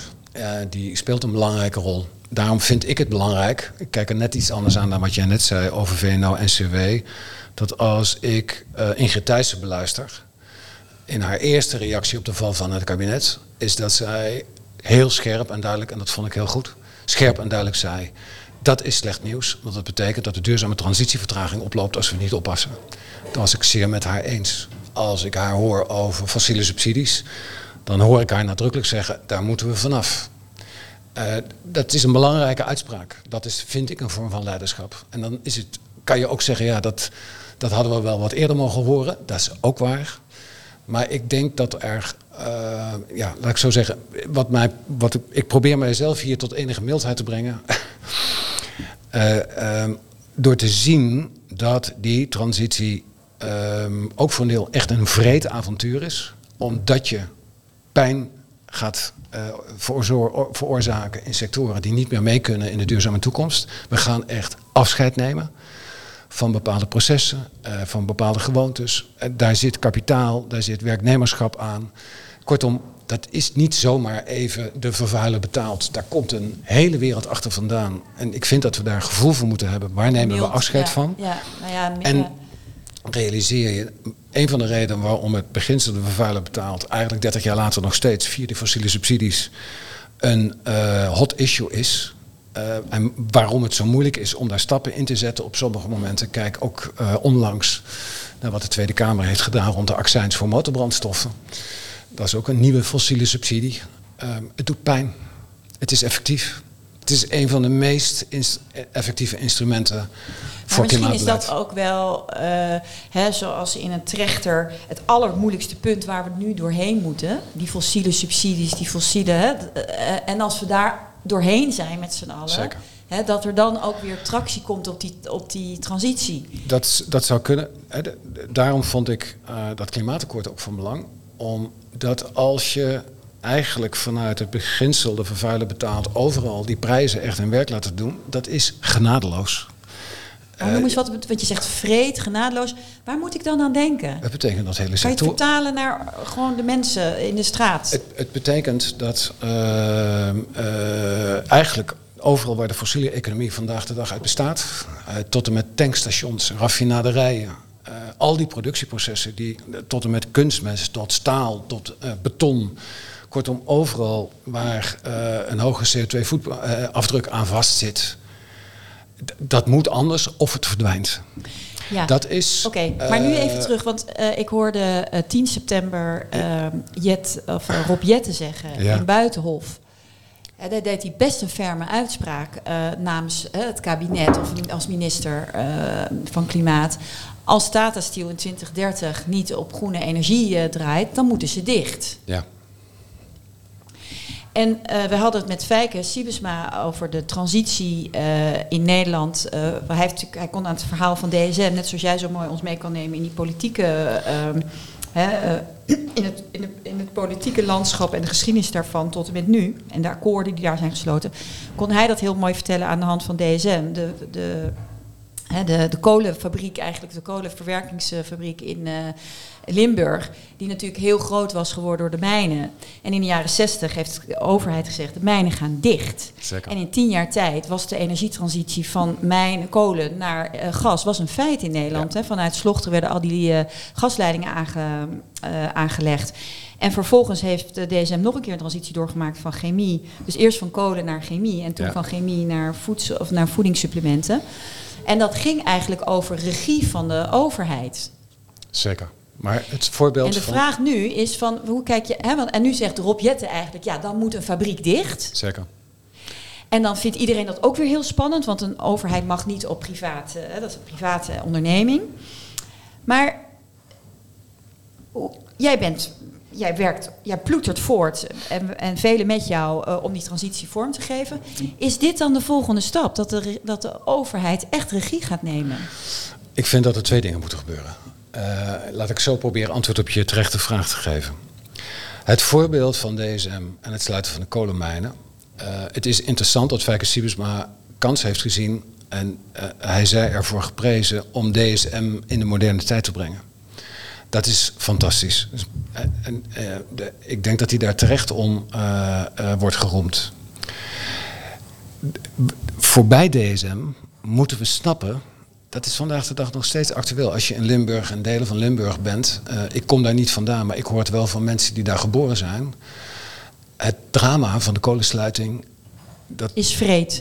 Dat, Was de, de, de vreedheid ja. daarvan, ja. Ja. de impact die dat heeft op een lokale cultuur, op um, uh, een soort van, van uh, lokale geschiedenis. Waar zijn wij van? Wat is onze identiteit? Daar gaat het over. Dus ik snap heel erg goed, je hebt voor de transitie nodig zoals Fijke dat gedaan heeft, Fijke Siebersma dat gedaan heeft bij DSM, dat je stippen op de horizon zet en, en echt heel nadrukkelijk zegt, dat is nu ook aan de orde. Nou, Rob Jetten doet dat ook en dat vind ik een terechte manier om naar de transitie Stippen, te kijken. ja, We gaan hiermee stoppen. Ja. Zoals Europa gezegd heeft, vanaf 2035 komt er geen fossiele auto meer op de markt. Een auto met een verbrandingsmotor. Gaan we gewoon niet meer doen. De markt wordt gesloten. Ik denk, daar hebben we eigenlijk een paar jaar geleden ook met de kolencentrales gedaan. Dat we zeiden, met een wetsvoorstel eh, dat eh, eh, door het parlement is aanvaard. Vanaf 2030 mogen er geen kolen meer worden gebruikt. Je moet heel duidelijk zijn als overheid. Dat is normeren. Dat is op tijd aangeven waar we mee gaan stoppen. Dat is heel erg belangrijk. En dat, kan, dat, dat moet eigenlijk nog veel beter. Tegelijkertijd moeten we ons ontzettend goed beseffen, dat kom ik, probeer ik in ieder geval te doen. Wat betekent die transitie voor mensen die, aan, die daarmee te maken gaan Ja. krijgen?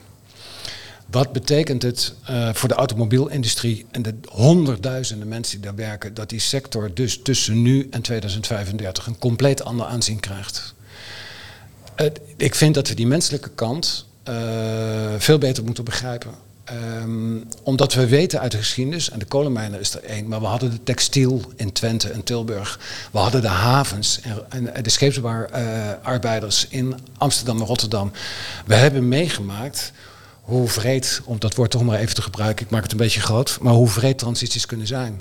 En ik vind dat dat onderdeel moet zijn, om het even af te maken, Ja. want het is voor mij een belangrijk punt. Eh, ik vind dat dat onderdeel moet zijn van ons totale blik op wat een goede transitie is. Dit is een rechtvaardige transitie, dat we snappen wat het met mensen doet.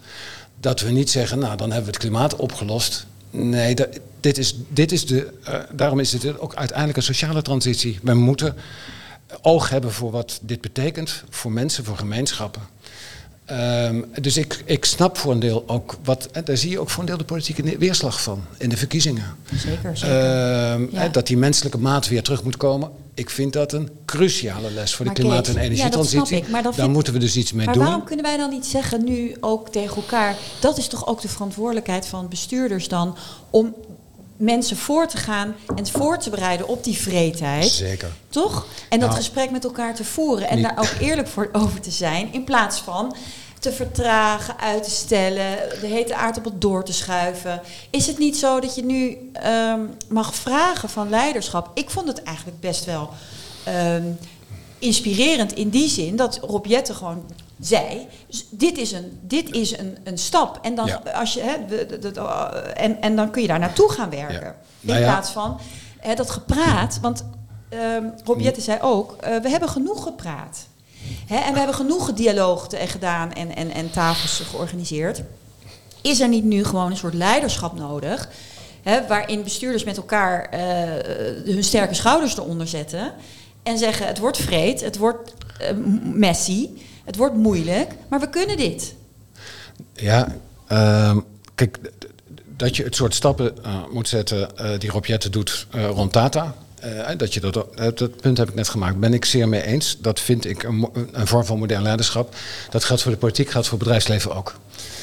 En ja, je komt er op een gegeven moment op een dag wel achter als je als leider van een bedrijf of als bestuurders van een grote onderneming deze afslag hebt gemist. Ik zou denken, dat is toch echt heel onverstandig. Ik vind niet dat we mensen moeten voorbereiden op de vreedheid. Ik vind dat we mensen eh, voluit eh, alternatieven moeten gaan bieden. Ja, Daarom was dat klimaatakkoord van belang. Ja, Als je kijkt, eh, waarom is het zo moeilijk om in Nederland de stap te maken naar een toekomstbestendige landbouw? Er zijn al allemaal koplopers. Die zijn eigenlijk al actief, maar die proberen in een hele moeilijke markt ja. Duurzame eh, bedrijfsmodellen te ontwikkelen in allerlei soort. Eh, die, die zijn in het klimaatakkoord, die kom ik ook in mijn werk vandaag de dag tegen. Dat zijn fantastische, optimistische mensen. Dat is hartstikke leuk om die te ontmoeten. En ik zie hoe lastig ze hebben in het markten die niet voor hun zijn gemaakt. Nou, we hebben er een gesproken, eh, Boerschappen, hè, Stijn Ja.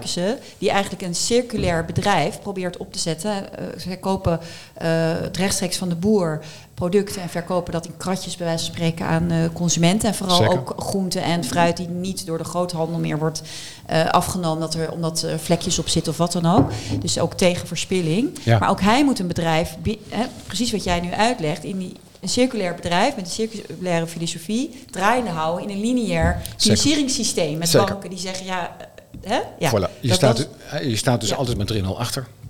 En de kunst is om te leren van die koplopers, wat er moet er gebeuren. En daar moet een perspectief ontstaan. Ja. Dus om als het, het, het enige antwoord op de vreedheid, het wordt wel een heel groot woord in dit gesprek. eh, maar in ieder geval op de, de moeilijke kant van de transitie. eh, het afscheid wat we gaan nemen van eh, bepaalde industrieën en hoe zich die regio's ook hebben gevormd is dat je plannen klaar hebt staan. Dat je zegt, ja, maar je staat daar niet alleen voor. Er zijn alternatieven, er zijn routes om door te gaan. Die routes waren er in het verleden te weinig. En dat is natuurlijk ook het schrikbeeld wat die fossiele subsidies bij sommigen oproepen. En Daar heb ik wel gevoel voor. Ik ben het er niet altijd mee eens. Dat is, daar gaat mijn punt ook niet over. Dat als je overnight fossiele subsidies afschaft, nou ja, dat, je, dat je een soort eh, enorme impact hebt op economie en levens van mensen die de transitie ook menselijkerwijs niet meer kunnen volgen. Nou, en, dat lijkt mij, dat vind ik een serieus issue, want we komen er alleen maar in die klimaat- en energietransitie als die sociale agenda. Wat hebben we mensen te bieden? Wat is het alternatief? Kunnen zij een weg vooruit vinden? Dat is, een, dat is een ongelooflijk belangrijk. En als we dat niet voor elkaar hebben, als die markten niet goed functioneren, die prijzen niet eerlijk zijn, als die afzetkanalen niet lopen, die supermarkten niet doen wat we willen, die energiemaatschappijen niet ons helpen om. Ja, maar dan blijf ik toch maar weer terugkomen enzovoort. dat uiteindelijk daar overal zitten er mensen die besluiten nemen. Hè? En die zouden daar dus een besluiten in de goede richting kunnen nemen. Zeker. Toch? Dat is eigenlijk het appel. Zeker. En zonder dat ze daar eh bij Dat- spreken weer allerlei subsidies en zo voor hoeven te krijgen. Het zou op een gegeven moment ook de vraag kunnen zijn: komt er nog ook een moreel appel hè? Op, op, op goed bestuur? Zeker. Zeker. En ehm, want dan komen we natuurlijk ook bij dat lonkend perspectief. En, en, en ehm, dat was ook de vraag eh, van Fijke aan jou. Hè, van, eh, wat je natuurlijk wel ziet gebeuren, is toch ook dat, ehm, de, het, eh, dat die transitie polariseert. Hè? eh, je hebt aan de ene kant eh, de- misschien wel de jonge mensen die zeggen: waarom schieten we niet op? En het gaat over onze toekomst. En we bezetten de A12. En dan heb je andere groepen mensen die zeggen: die klimaattransitie dat is een hoax. Hè? Dat, dat is, we worden ergens inge, inge, ingeduwd wat helemaal niet bestaat. En, en dus, hè, er is natuurlijk best wel veel aan de hand in de maatschappij. En hoe je daar aan die, aan die, aan die eh, toenemende polarisatie, hoe je, de, hoe je de, de, de groepen toch bij elkaar kan houden. Hè, dat is eigenlijk best. En je ziet ook dat in het politieke eh, eh, speelveld gebeurt dat ook. En hè, die partijen, die, die, die, die extreme worden misschien wel sterker. Wat ik wel interessant vond was het verhaal. eh, Pieter Omzicht begint natuurlijk nu ook zijn eigen partij. Die, Ja. die noemt heel specifiek de bestuurscultuur. Hè? Ja. En ook de manier hoe de besluiten worden genomen en of dat rechtvaardig is. En wat ik een hele eye-opener vond weer van hem, was dat hij zei: kijk nou eens bijvoorbeeld naar die reiskostenvergoedingen in Nederland, zoals ze nu in elkaar zitten. Dan heb je onderwijzers en agenten en, en, en zorgpersoneel die maar zelf moeten zien hoe ze op hun werk komen. Daar is geen vergoeding voor, die krijgen heel vaak geen onkostenvergoeding. Dan heb je het middelmanagement, wat eh 0,23 cent eh, kilometervergoeding inmiddels mag vragen. Nou, daar kan je bijna met de eh, benzineprijzen geen auto voor rijden. Dan moet je dan een tweedehands auto of ergens. Dat is ook al heel complex. En dan heb je de topgroep, die rijdt in zijn Tesla van de ene vergadering naar de andere om te verduurzamen. Keurige onreiskostenvergoedingen, keurige leasecontracten. En, en, en ja, ik ben ook natuurlijk vaak op bijeenkomsten waar het gaat over verduurzaming en zo. En er zitten natuurlijk allemaal helemaal geprivilege- geprivilegeerde mensen, zoals ik zelf, eh, laat ik dat vooropstellen, eh, goed opgeleid, eh, het praten over die verduurzaming in taal. Waar dus degene die dus de besluiten moet nemen over de reiskostenvergoedingen, dat is niet de, zijn niet de groep 1 en 2, dat is groep 3. En dat is een beetje mijn thema, van hoe krijgen we die besluitvorming democratischer? Want zolang wij zeggen, we gaan met z'n allen alle om tafel zitten, de belangengroepen, maar de stem van het volk, zei ik net al, en wij werken ook met jongboards om jonge mensen eh, te betrekken. Ja. Hoe zie jij dat? Hè? Van hoe kunnen wij die transitie eh, democratischer maken in de besluitvorming? Je begon eh, met de notie ehm, dat de polarisatie toeneemt. Ik zie het tegenovergestelde. Oh, dat is mooi. Ehm, misschien misschien ja. ben ik een beetje misvormd door mijn eigen eh, eh, ervaring. maar ik heb bij wijze van spreken 10, 15 jaar geleden de polarisatie rond het klimaatthema. Met een groeiende aanwas van klimaatontkenners. Die dit allemaal onzin vonden. ook aangevuurd door sommige industriële belangen. zelfs bewindslieden die zeiden we moeten met klimaatskeptici gaan praten. Dat hebben we allemaal gehad. Dat is helemaal voorbij. Natuurlijk is er nog een kleine groep die daar anders over denkt. Maar volgens mij. Um, dus de consensus is er? Nou, dat hier een ernstig vraagstuk aan de orde is, wat echt bedreigend is, uh, zeker voor toekomstige generaties. Dat is volgens mij, neemt hand over hand toe. En dan zijn er een paar vervelende dingen die helaas hier wel helpen. Dat is de Oekraïne-oorlog en het feit dat klimaatverandering zo scherp in zicht komt. Veel sneller dan we destijds dachten met IPCC-rapporten aan de hand. Kijk gewoon naar al die weerextremen die gewoon aan de orde van de dag zijn. Dat je, ja, heftig hè? Warm, is, hoe warm is het nu buiten? Het is, september, het is of warm of het stormt. Uh, kortom, die samenlevingen worden geweldig onder druk gezet. Met enorm veel schade in sommige gevallen door die klimaatcrisis die uit de hand loopt. Dus ik heb het idee dat de eensgezindheid over dit vraagstuk, hier moeten we echt iets mee. Dit is urgent, dit moet aangepakt worden. Uh, dat die eigenlijk in vergelijking tot het verleden echt is toegenomen. Uh, in juni heb ik mijn eerste signalenrapport gestuurd aan Rob Jetten. Uh, en dat ging ook heel erg over de vraag hoe zit de verhouding tussen publiek draagvlak, ja, jouw ja. vraag over polarisatie, en politiek leiderschap in elkaar. En ik ben er zeer van overtuigd. Um, uh, en dat heb ik ook laten toetsen met een onderzoek uh, onder opvattingen van burgers. Dat politiek leiderschap heel erg belangrijk is om ook vertrouwen bij burgers te zien dat die klimaattransitie ook gaat in goede handen is. In goede handen is, dat we voortgang boeken. En dat zeggen burgers ook. Een grote meerderheid maakt zich zorgen. Een grote meerderheid wil dat er stevig klimaatbeleid wordt vervoerd. Een grote meerderheid wil dat er iets gebeurt.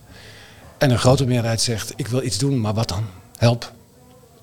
Dus er is behoefte, uh, zie ik bij een grote meerderheid van Nederlanders, aan scherp politiek leiderschap. Het punt wat we net bespraken over zet stippen op de horizon. En dat is niet alleen zeggen waar je van afscheid van neemt, maar probeer ook veel meer een verhaal te maken. Uh, waar gaan we naartoe?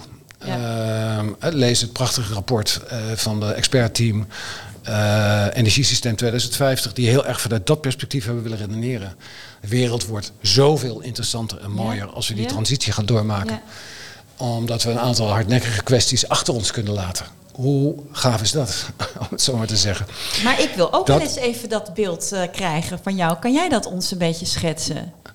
Hoe, hoe ehm, kunnen we uh, hoe kunnen we, want ik heb jouw rapport ook uh, gelezen, wat jullie hadden gestuurd, uh, over de draad, daadkracht en, daadkracht en draagvlak. Hè? Ja. Heel mooi en, en ook heel betekenisvol in de zin van dat je die transitie alleen maar kan doen door draagvlak te hebben. En, um, uh, maar daar staat ook in dat veel, toch, toch 25% uh, van de mensen het moeilijk vindt om erover te praten met zijn buren of met zijn um, familie, omdat er nog lacherig over wordt gedaan. En uh, van, oh, ga je nou mijn biefstukje zitten? Dat wil ik allemaal niet. En, ja. hè, en er wordt toch ook nog een beetje gebagatelliseerd. Dus dat komt ook voor. Weet en je? ik mag zeker geen niet meer vliegen en ik mag dit niet, ik mag dat niet. Nou word ik net gek van. Maar want ik vind het ook heel interessant om te kijken hoe zou Nederland, hè, als Nederland dit goed doet, uh, als gidsland misschien, of in die transitie het voortouw neemt en jij met jouw Nationaal Klimaatplatform uh, de, dat dat gaat vliegen. Waar, heb jij al beelden bij dat, dat, dat, dat je er zin in krijgt? Dat je denkt, ja, maar het wordt echt gewoon heel veel interessanter. Ik denk het perspectief uh, dat we een, uh, in alle opzichten een schoner land laten. In de meerdere uh, betekenissen van het woord schoon. Wat, wat, schone lucht, schoon water. Zeker. Schone mensen, schone... Zullen we beginnen met de bewoners van data, in, in de ja. omgeving van Datasteel. Ja. Dat dat soort productieprocessen, of het recente schandaal rond Chemours, het ja. oude Dupont... dat dat uh, dat we naar een economie gaan uh, met ingewikkelde stappen, maar we maken vooruitgang om een economie te maken die mensen niet langer beschadigt of gezondheid van mensen in de waagschaal stelt. Hoe kunnen we dat niet een meer natuur, een, een project, meer vogels, meer bijen, meer biodiversiteit? Uh, het voedsel wat gezonder wordt. Ik bedoel, je hebt zoveel impacts, negatieve impacts van het soort economie die wij weer van onze ouders hebben georven. En dat was natuurlijk een enorm vooruitgangsproject. Uh, zowel in de landbouw, maar ook in de industrie met inzet van fossiele brandstoffen. Maar dat heeft vanaf de jaren 70, uh, dat debat loopt al zo lang. Wordt er gezegd, en het is waar, we zien het steeds meer in de, in de, in de feitelijke natuur en het klimaatsysteem om ons heen, planetaire grenzen. Het is allemaal tastbaar, je waarneembaar. het- nee, maar ik vind ook echt, ik, je- wij wonen hier vlakbij de duin. Ik vind dat je de vegetatie van de duin ook ziet veranderen. Het wordt schaler. Nou ja, Dat is gewoon waarneembaar. Ja. eh, en je ziet, en, en dat is Je natuurlijk. verlangt weer naar. Ja. Het is niet alleen een kwestie van een, een, mooie, een mooiere natuur en een mooie uitzicht. Maar het wordt ook heel manifest dat het de eh, natuurlijke bronnen waarop onze beschaving rust ja. in de waagschaal stelt. Dat, dat betekent de facto dat je, als je dat als bedrijf doet, dat je je eigen vermogen op deze manier opvreet, dan weet je wat de volgende dag brengt, namelijk de gang naar de faillissementsrechter. En, en die notie wordt steeds pregnanter. Dus het, dat we daaruit gaan ontsnappen met een transitieproject, eh, wat ons veilig stelt, dat we over bronnen kunnen beschikken die circulair zijn en dus eh, blijvend, dus duurzaam, regeneratief, hoe je het ook precies wil noemen. Het beeld dat we een samenleving eh, kunnen bouwen eh, met een economisch systeem wat eigenlijk veiliger is, ook in sociaal opzicht. Want je weet elke keer als, het, als er rapen gaar zijn, als er crisis zijn, mensen in de zwakste positie betalen de hoogste prijs. Dat was altijd zo en dat is ook nu weer aan de orde van de dag. Dus je wil naar een toekomst toe waarin er meer veiligheid en zekerheid is. Bestaanszekerheid is volgens mij het codewoord van deze verkiezingen, als ik het goed begrijp. Bestaanszekerheid voor iedereen. Dat lijkt mij een fantastisch wenkend perspectief. En daar heb je systemen, economieën, bedrijven voor nodig die daarin passen en daaraan bijdragen. En dat is ook, was ook een beetje de vraag van Fijke. Hè, van is dat dan ook een. Hè, dus dat- de maatschappij het niet alleen maar ziet als een kostenpost, hè, die transitie, en dat er dingen worden afgenomen, maar dat je het ziet als een fantastisch nieuw verdienmodel voor Nederland hè, en voor de maatschappij, waarin er dus inderdaad veel meer. Ja, hoe mooi zou dat zijn? eh, ook veel meer eh, gelijkwaardigheid is in de sociale ordening. Hè, en waar er, waar er weer ook. ehm, ja, dat gemeenschapszin, die vind ik ook eigenlijk, die, daar, sla ik zelf altijd op aan. Omdat ik ook denk dat het geen zin heeft hè, om jezelf terug te trekken achter in je fort. eh, met je enorme aandeelhouderswaarde en met je winsten. Ja. Hè, terwijl de maatschappij aan het creperen is. Ja, Ja. Dat, is ehm, Ja. dat, zou, dat is geen lonkend perspectief. Nee, en dan is vervolgens wel de vraag. ehm, je, je sprak net over eh, de, de Tesla's eh, van de besluitvormende elite. Ja. Eh, die zijn binnen, die zijn elektrisch. Daar wordt nog voor betaald ook. Ja, dat is volgens mij een hele belangrijke eh, notie. Eh, De, de Europese Commissie, eh, Frans Timmermans, is destijds begonnen met de Green Deal. eh, samen met eh, Ursula von der Leyen. En niet lang daarna heeft hij gezegd: het gaat niet alleen over de green transition, is green and just. Just, ja. En dat is, Just. dat is eigenlijk één beweging. Ja. Dus de hele notie van klimaatrechtvaardigheid, het prachtige rapport een tijd geleden van eh, eh, de We- Wetenschappelijke Raad voor het Regeringsbeleid, waarom klimaatrechtvaardigheid belangrijk is, wat voor noties, wat voor gedachten, wat voor waarden daarachter schuil gaan. Prachtig rapport, enorm, en gewoon brandstof voor het publieke debat, zal ik maar zeggen. Mooi. Ehm, Ook weer mensen moeten dat eigenlijk allemaal veel meer gaan lezen. Hè, nou ja, rapporten. dat zou, dat zou, Ja. eh, eh, ik vond het een mooi rapport. Eh, terechte interventie om tegen de politiek te zeggen: spreek je uit over klimaatrechtvaardigheid.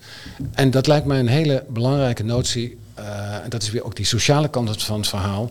Als die, rechtva- als, die klimaat- en energietransitie niet rechtvaardig is, Ja, dan maar Kees, maar ben dat ik bang dat die ook niet gaat plaatsvinden. Nee, maar dat is natuurlijk wat er nu speelt. Want het WRR heeft ook een heel mooi rapport geschreven over goede zaken en de maatschappelijke verantwoordelijkheid van bedrijven. En ze zegt, de Zeker. bedrijven worden te veel gepamperd. Ze moeten gemotiveerd worden en geïnspireerd om van binnenuit te gaan vernieuwen en hun eigen middelen ter beschikking te stellen van de i- innovatie. In plaats van de hele tijd te zeggen hun eigen middelen uit te betalen aan aandeelhouders en zelf te zeggen, mag ik graag subsidie om te, om te vernieuwen. Ja, toch? Zeker, Ja, want dat is rechtvaardig, zeker. toch?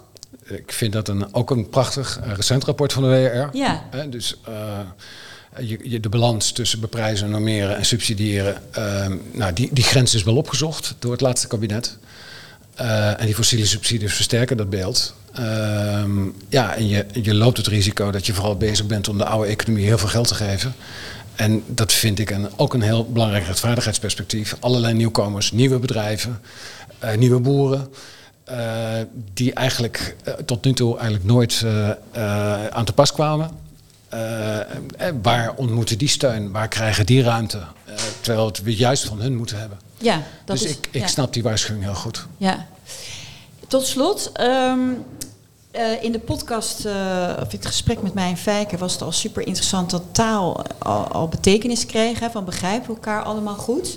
Nou, we hebben het eigenlijk ook al een beetje aangestipt net met van de besluitvormingsprocessen. De even gechargeerd, de groene of de, de Tesla-rijders die besluit nemen over rechtvaardige transities. De, de, de, vraag is of de goede besluiten. Nee, of de mensen die aan tafel zitten de goede besluiten kunnen nemen. Um, en rechtvaardige besluiten kunnen nemen. Um, waar ik met jou nog over wil puzzelen, is dat we natuurlijk die oude taal blijven spreken. Eigenlijk ook in. in, in ik vond het heel mooi dat je. Dank voor jouw beeld voor de toekomst. Hè? Uh, over dat lonkend perspectief. Maar er hoort natuurlijk ook een, daar horen ook woorden bij waar je mensen naartoe kan praten in, in, in, in het verhaal. En ik zou het zo mooi vinden als uh, bestuurders in die transitie dus niet de hele tijd blijven zeggen we moeten fossiel subsidies, want anders dan gaat de werkgelegenheid uh, aan naar de knoppen. Uh, maar zouden zeggen, uh, wij gaan die transitie in, want dan komt er nieuwe werkgelegenheid hè, ja. voor, voor de mensen rondom Tata Steel of waar dan ook. Want we gaan natuurlijk zorgen dat er weer nieuw werk komt. En uh, overigens is dat natuurlijk ook in Limburg gebeurd. Toen de mijnen gesloten werden, zijn er wel degelijk natuurlijk ook bedrijven naartoe verhuisd voor werkgelegenheid. Maar ja. ik ben het wel eens dat vreed ja, maar dat, dat, pijn kan je niet altijd verzachten. Maar zeker. Goed. Uh, dus, ja. dus wij kwamen ook uit op dat woord tussentaal. Hè? Dus je hebt uh, de oude taal, die past bij de oude economie. Dan heb je die nieuwe circulaire economie waar we dan naartoe willen gaan. Maar je hebt dus taal nodig om, om ons allemaal daarheen te praten. Ben je het daarmee eens? Dus dat we met elkaar een beetje begrijpen van... oh, dat zijn dan de beelden van de toekomst. Of daar kan ik een beetje aan gaan vasthouden. En... Um, um, ja, we hadden het al een beetje over moeder aarde aan tafel. Hè, eh, of de taal van de toekomst. Of ik hoorde laatst ook iemand zeggen hè, over biodiversiteit. Bedrijven moeten nu natuurlijk ook gaan rapporteren via CSRD over hun biodiversiteit. Nou, dan gaat ja. het over welke impact maak je op het kleine van de biodiversiteit. Of op het, uh, het, het, het, het kapot maken van de biodiversiteit, zou ik maar even zeggen. Maar de volgende stap is, ja, wat draag je bij aan het weer beter maken? Hè? Wat we net al zeiden over de duinen, dat, er weer, dat, dat je weer andere vegetatie gaat zien. Nou, dat, dat zijn, daar heb je dus nieuwe taal voor nodig in een bedrijf. Uh, iemand zei ook van, hoe zetten we het werk van de bij op de balans, hè? biodiversiteit. Die werkt nu om niet. Hè? Dat, dat, dat zou niet moeten, want die draagt heel veel bij. En dan kom je ook een beetje bij de rol van macht en tegenmacht in uh, besluitvormingsprocessen. Hè? Wie zit er aan tafel en op basis van welke informatie besluiten ze? Uh, wat wij ook vaak in onze taal doen, wat is ongezegd? Wat is hier niet gezegd? -hmm. Welke stem is hier niet gehoord? Hè? Dat je daar bewust van bent. Dat zijn ook dingen die je als bestuurskamer kan toepassen om te denken van hebben we, ja, hebben we het ongezegde ook bespreekbaar gemaakt? En dan kom ik nu. Um, bij eigenlijk bij mijn laatste vragen aan jou: van hoe maken we nou hè, uh, zichtbaar dat, dat ieder stem ertoe doet in die transitie? Dat is een, uh, en is dat trouwens wel waar? Want als we zeggen de overheid gaat regie nemen, hè, als we dat willen, want jij zegt ook de overheid moet leiderschap nemen. Ja, uh, toen de mijnen dichtgingen in Limburg, zijn ook niet al die mijnwerkers misschien gehoord. Mm -hmm. Dus met dat regie nemen, hè, dat is altijd zo mooi gezegd, maar dat betekent, dus, dat betekent natuurlijk ook wel wat dat je een bepaald soort ja, sturende besluiten moet gaan nemen. Volgens mij is de taak van, ook van politici, van politiek leiderschap, om uh, een, een, een, beeld te creëren over waar je uh, met Nederland naartoe wilt, wat voor waarden daarin belangrijk zijn. En graag ook een soort politieke agenda. Hoe doe je dat dan? Wat wil je daarvoor inzetten? Wat ben je bereid om daarvoor te doen? Uh, dat wil niet zeggen dat uh, als je zegt ik heb politieke regie nodig, uh, ja, dan, dan is het besluit dus aan de politici. En dan hebben burgers eigenlijk niks meer te vertellen. Volgens mij werkt het andersom. Hoe scherper je bent als politicus, hoe duidelijker je ook mandaat van kiezers kunt vragen als ondersteuning van dat verhaal. Daarnaast, uh, kijk, het feit dat je burgers wil horen, of dat je zegt, en dat is een hele grote ambitie, alle stemmen moeten worden gehoord, dat snap ik heel erg goed het kan niet zo zijn dat naar alle stemmen wordt geluisterd. Dat zijn twee dat verschillende kan dingen. Niet, nee. Dat is onvermijdelijk. Ja. Er zullen keuzes gemaakt worden die ook gewoon ongenoegen met zich meebrengen. Uh, dat is nou eenmaal ja, dat is het, ook het democratisch proces in de samenleving. We kunnen niet allemaal gelijk krijgen. Ook al vinden we dat we allemaal gelijk hebben. Eh, dat is een vrij fundamentele notie. En daar moeten we toch op een bepaalde manier maar een beetje praktisch mee omgaan. Anders komen we er namelijk nooit uit. Iets anders is. Je hebt het over het belang van taal en het ongezegde. Weer helemaal terug naar het begin van het gesprek. Kijk naar de Rijksbegroting. Wat staat daar nou? Wat, wat is de taal die daarin staat? Dan zie je cijfers, getallen. Uh, ik ben een enorme aanhanger van het denken over brede welvaart. En ik heb jarenlang rijksbegrotingen gelezen en ook macro-economische voorspellingen met cijfers, met taal, waarin, uh, nou, ik denk driekwart van wat vandaag de dag de brede welvaartsagenda is. Zeker waar die internationaal en in de toekomst ligt. Prachtige rapportages hè, van het CBS, kennen we allemaal. Brede welvaart hier, later elders. Kwam nooit aan de orde. Dus allemaal ongezegd. En het is helemaal waar wat je zegt. Wat ongezegd blijft, krijgt geen politieke lading, krijgt geen politieke waarde. Kijk, ik heb uh, terug naar eerder in dit gesprek uh, over mijn politieke tijd. Ik, uh, ook in de jaren dat ik financieel woordvoerder was, natuurlijk elk jaar rijksbegrotingen gelezen, miljoenennota's. En ik was natuurlijk ook altijd gefascineerd door wat, wat staat daar, wat wordt daar gezegd en wat blijft ongezegd. Ik ben een enorm aanhanger van het denken over een gezonde maatschappelijke ontwikkeling en daarop de entepolitieke visies op, gefundeerd op het beginsel van brede welvaart. Hier in Nederland, later elders. Hè, prachtige grote beelden die je kan hebben over uh, alle, alles wat de moeite waard is. Dat is eigenlijk wat je met brede welvaart zegt. Je, je, je probeert alles expliciet te maken. Je legt het allemaal op tafel. Een gezonde samenleving kan nooit alleen gaan over economie, bedrijvigheid, groei, winst, werkgelegenheid. Allemaal belangrijk, doet ertoe. Maar we hebben toch zo ontzettend geleerd dat we de hele kwestie van het natuurlijk kapitaal, onze hulpbronnen, volstrekt genegeerd hebben. En dat wisten we al sinds 1972 dat we dat niet moesten doen. En we hebben nog steeds boeken, systemen, beleidsprocessen, goedkeuringen, die eigenlijk de, de basis van het bestaan niet tot gelding brengen. Daar hebben we geen data, hadden we niet over, we hebben geen cijfers, het staat niet op papier en het wordt dus genegeerd. Dus de notie dat je het ongezegde moet snappen om te zorgen dat het op tafel gelegd wordt, dat het wel uitgesproken wordt, dat snap ik heel erg goed. zo werkt het in de politiek natuurlijk ook vaak. Um, en, en dat is eigenlijk, uh, zoals ik ook aanteken tegen die klimaat- en energietransitie, het lijkt in eerste instantie te gaan over, nou dan gaan we zonnepanelen doen en dan uh, nou, een paar windmolens op zee en waterstof, backbone. En, enfin, zijn hele grote projecten, zijn ook allemaal nodig. Maar het gaat uiteindelijk om eigenlijk het, nou, om er in jouw voordeel te blijven, het ongezegd op tafel te krijgen. Um, uh, want we weten wat er gebeurt als, dat, uh, als we de situatie laten zoals we die gisteren hebben aangetroffen. Dan negeren we een heel belangrijk deel van de maatschappelijke opgave.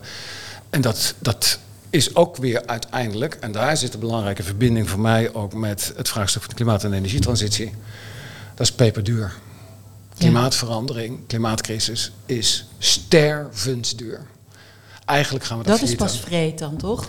Dat is natuurlijk eigenlijk uh, bizar. Om, en dan, dan gebruik ik toch weer een oude waarde van het geld. Als we maar kunnen laten zien dat iets geld kost, dan, uh, dan willen we erover praten. Maar het is wel waar. En dat is, uh, we hadden het over de financiële... We helemaal niet toe moeten verleiden, laten verleiden, vind ik, om altijd maar weer... Want dan gaan we zelf weer terug naar die oude taal van geld. Maar we zouden ik, toch dat nieuwe kunnen gaan laden ja, maar ik over vind, die wereld die aantrekkelijk is. Zeker, maar dat doen we niet door uh, de waarde van het geld in, het maatschappelijke, in de maatschappelijke dialoog uit te sluiten. Maar te zeggen, die is relatief. Maar hij, die doet, is er, relatief, maar hij ja. doet er wel toe. Het, Ja. ik, um, waarom is klimaatrechtvaardigheid van belang? Omdat heel veel politieke, uh, maatschappelijke discussies, conflicten, zo je wil, gaan over verdelingsvraagstukken. Kijk naar de geschiedenis van de 20e eeuw. Als je goed ziet wat daar gebeurt, heel veel uh, grote bewegingen in de maatschappij gingen uiteindelijk over verdelingsconflicten. We hadden het over die val van de Berlijnse muur in het begin van het gesprek. Daar zat vooraf uh, vele decennia van sociale strijd, kapitaal, arbeid over de vraag die economie, wie profiteert daarvan? Wie krijgt wat? Dat is een verdelingsconflict. Daar zijn revoluties over geweest. Daar hebben we het poldermodel op uitgevonden om dat conflict te verzachten, daar compromissen in te vinden. Daar is de verzorgingsstaat in ontstaan. verdelingsvraagstukken zijn een ongelooflijk belangrijk element. En die gaan ook vaak over geld. Ik vind niet dat we geld moeten verabsoluteren. Maar ik weet wel, en zo, daarom zeg ik dat ook, dat als we de klimaatcrisis uit de hand laten lopen, dan levert dat een enorm verdelingsconflict ja, dat ben op wat ik we eens. nog Maar nooit kijk, ik zoek natuurlijk naar. We zitten hier ook om, aan tafel om te kijken naar versnelling en naar kwaliteit eh, in besluitvorming en hoe we dat kunnen gaan doen. Zeker. En mijn suggestie is, we gaan aan een nieuwe taal en we gaan met aan een tussentaal werken, waarbij ook eh, de, eh, VNO-NCW en Inge Thijs en zo een andere taal gebruikt om te laten zien waar we dan naartoe gaan. In plaats van te beschermen wat we nu hebben door over geld te blijven praten. Want dat is natuurlijk de taal die past bij de oude economie. En daar hebben we misschien allemaal profijt van gehad. Dus daarom zijn we nu de welvaart die we nu zijn, of eh, het land wat we nu zijn. Maar we gaan nu naar een nieuwe, nieuwe eh, tussentaal, of naar een nieuwe eh, transitie, waar dus een nieuwe taal bij hoort. En ik vind het zo inspirerend om bestuurders daarvoor uit te dagen van laten we dan die nieuwe taal gaan leren spreken met elkaar. Hè, zodat we ook die mensen die, eh, die, die, die rechtvaardigheid kunnen benoemen hè, in onze besluitvorming. Zeker. Want daar willen we het dan met elkaar over hebben. Zeker. Lekker, eh, lekker misschien te abstract. Maar voor mij is eigenlijk de learning van dit gesprek dat je.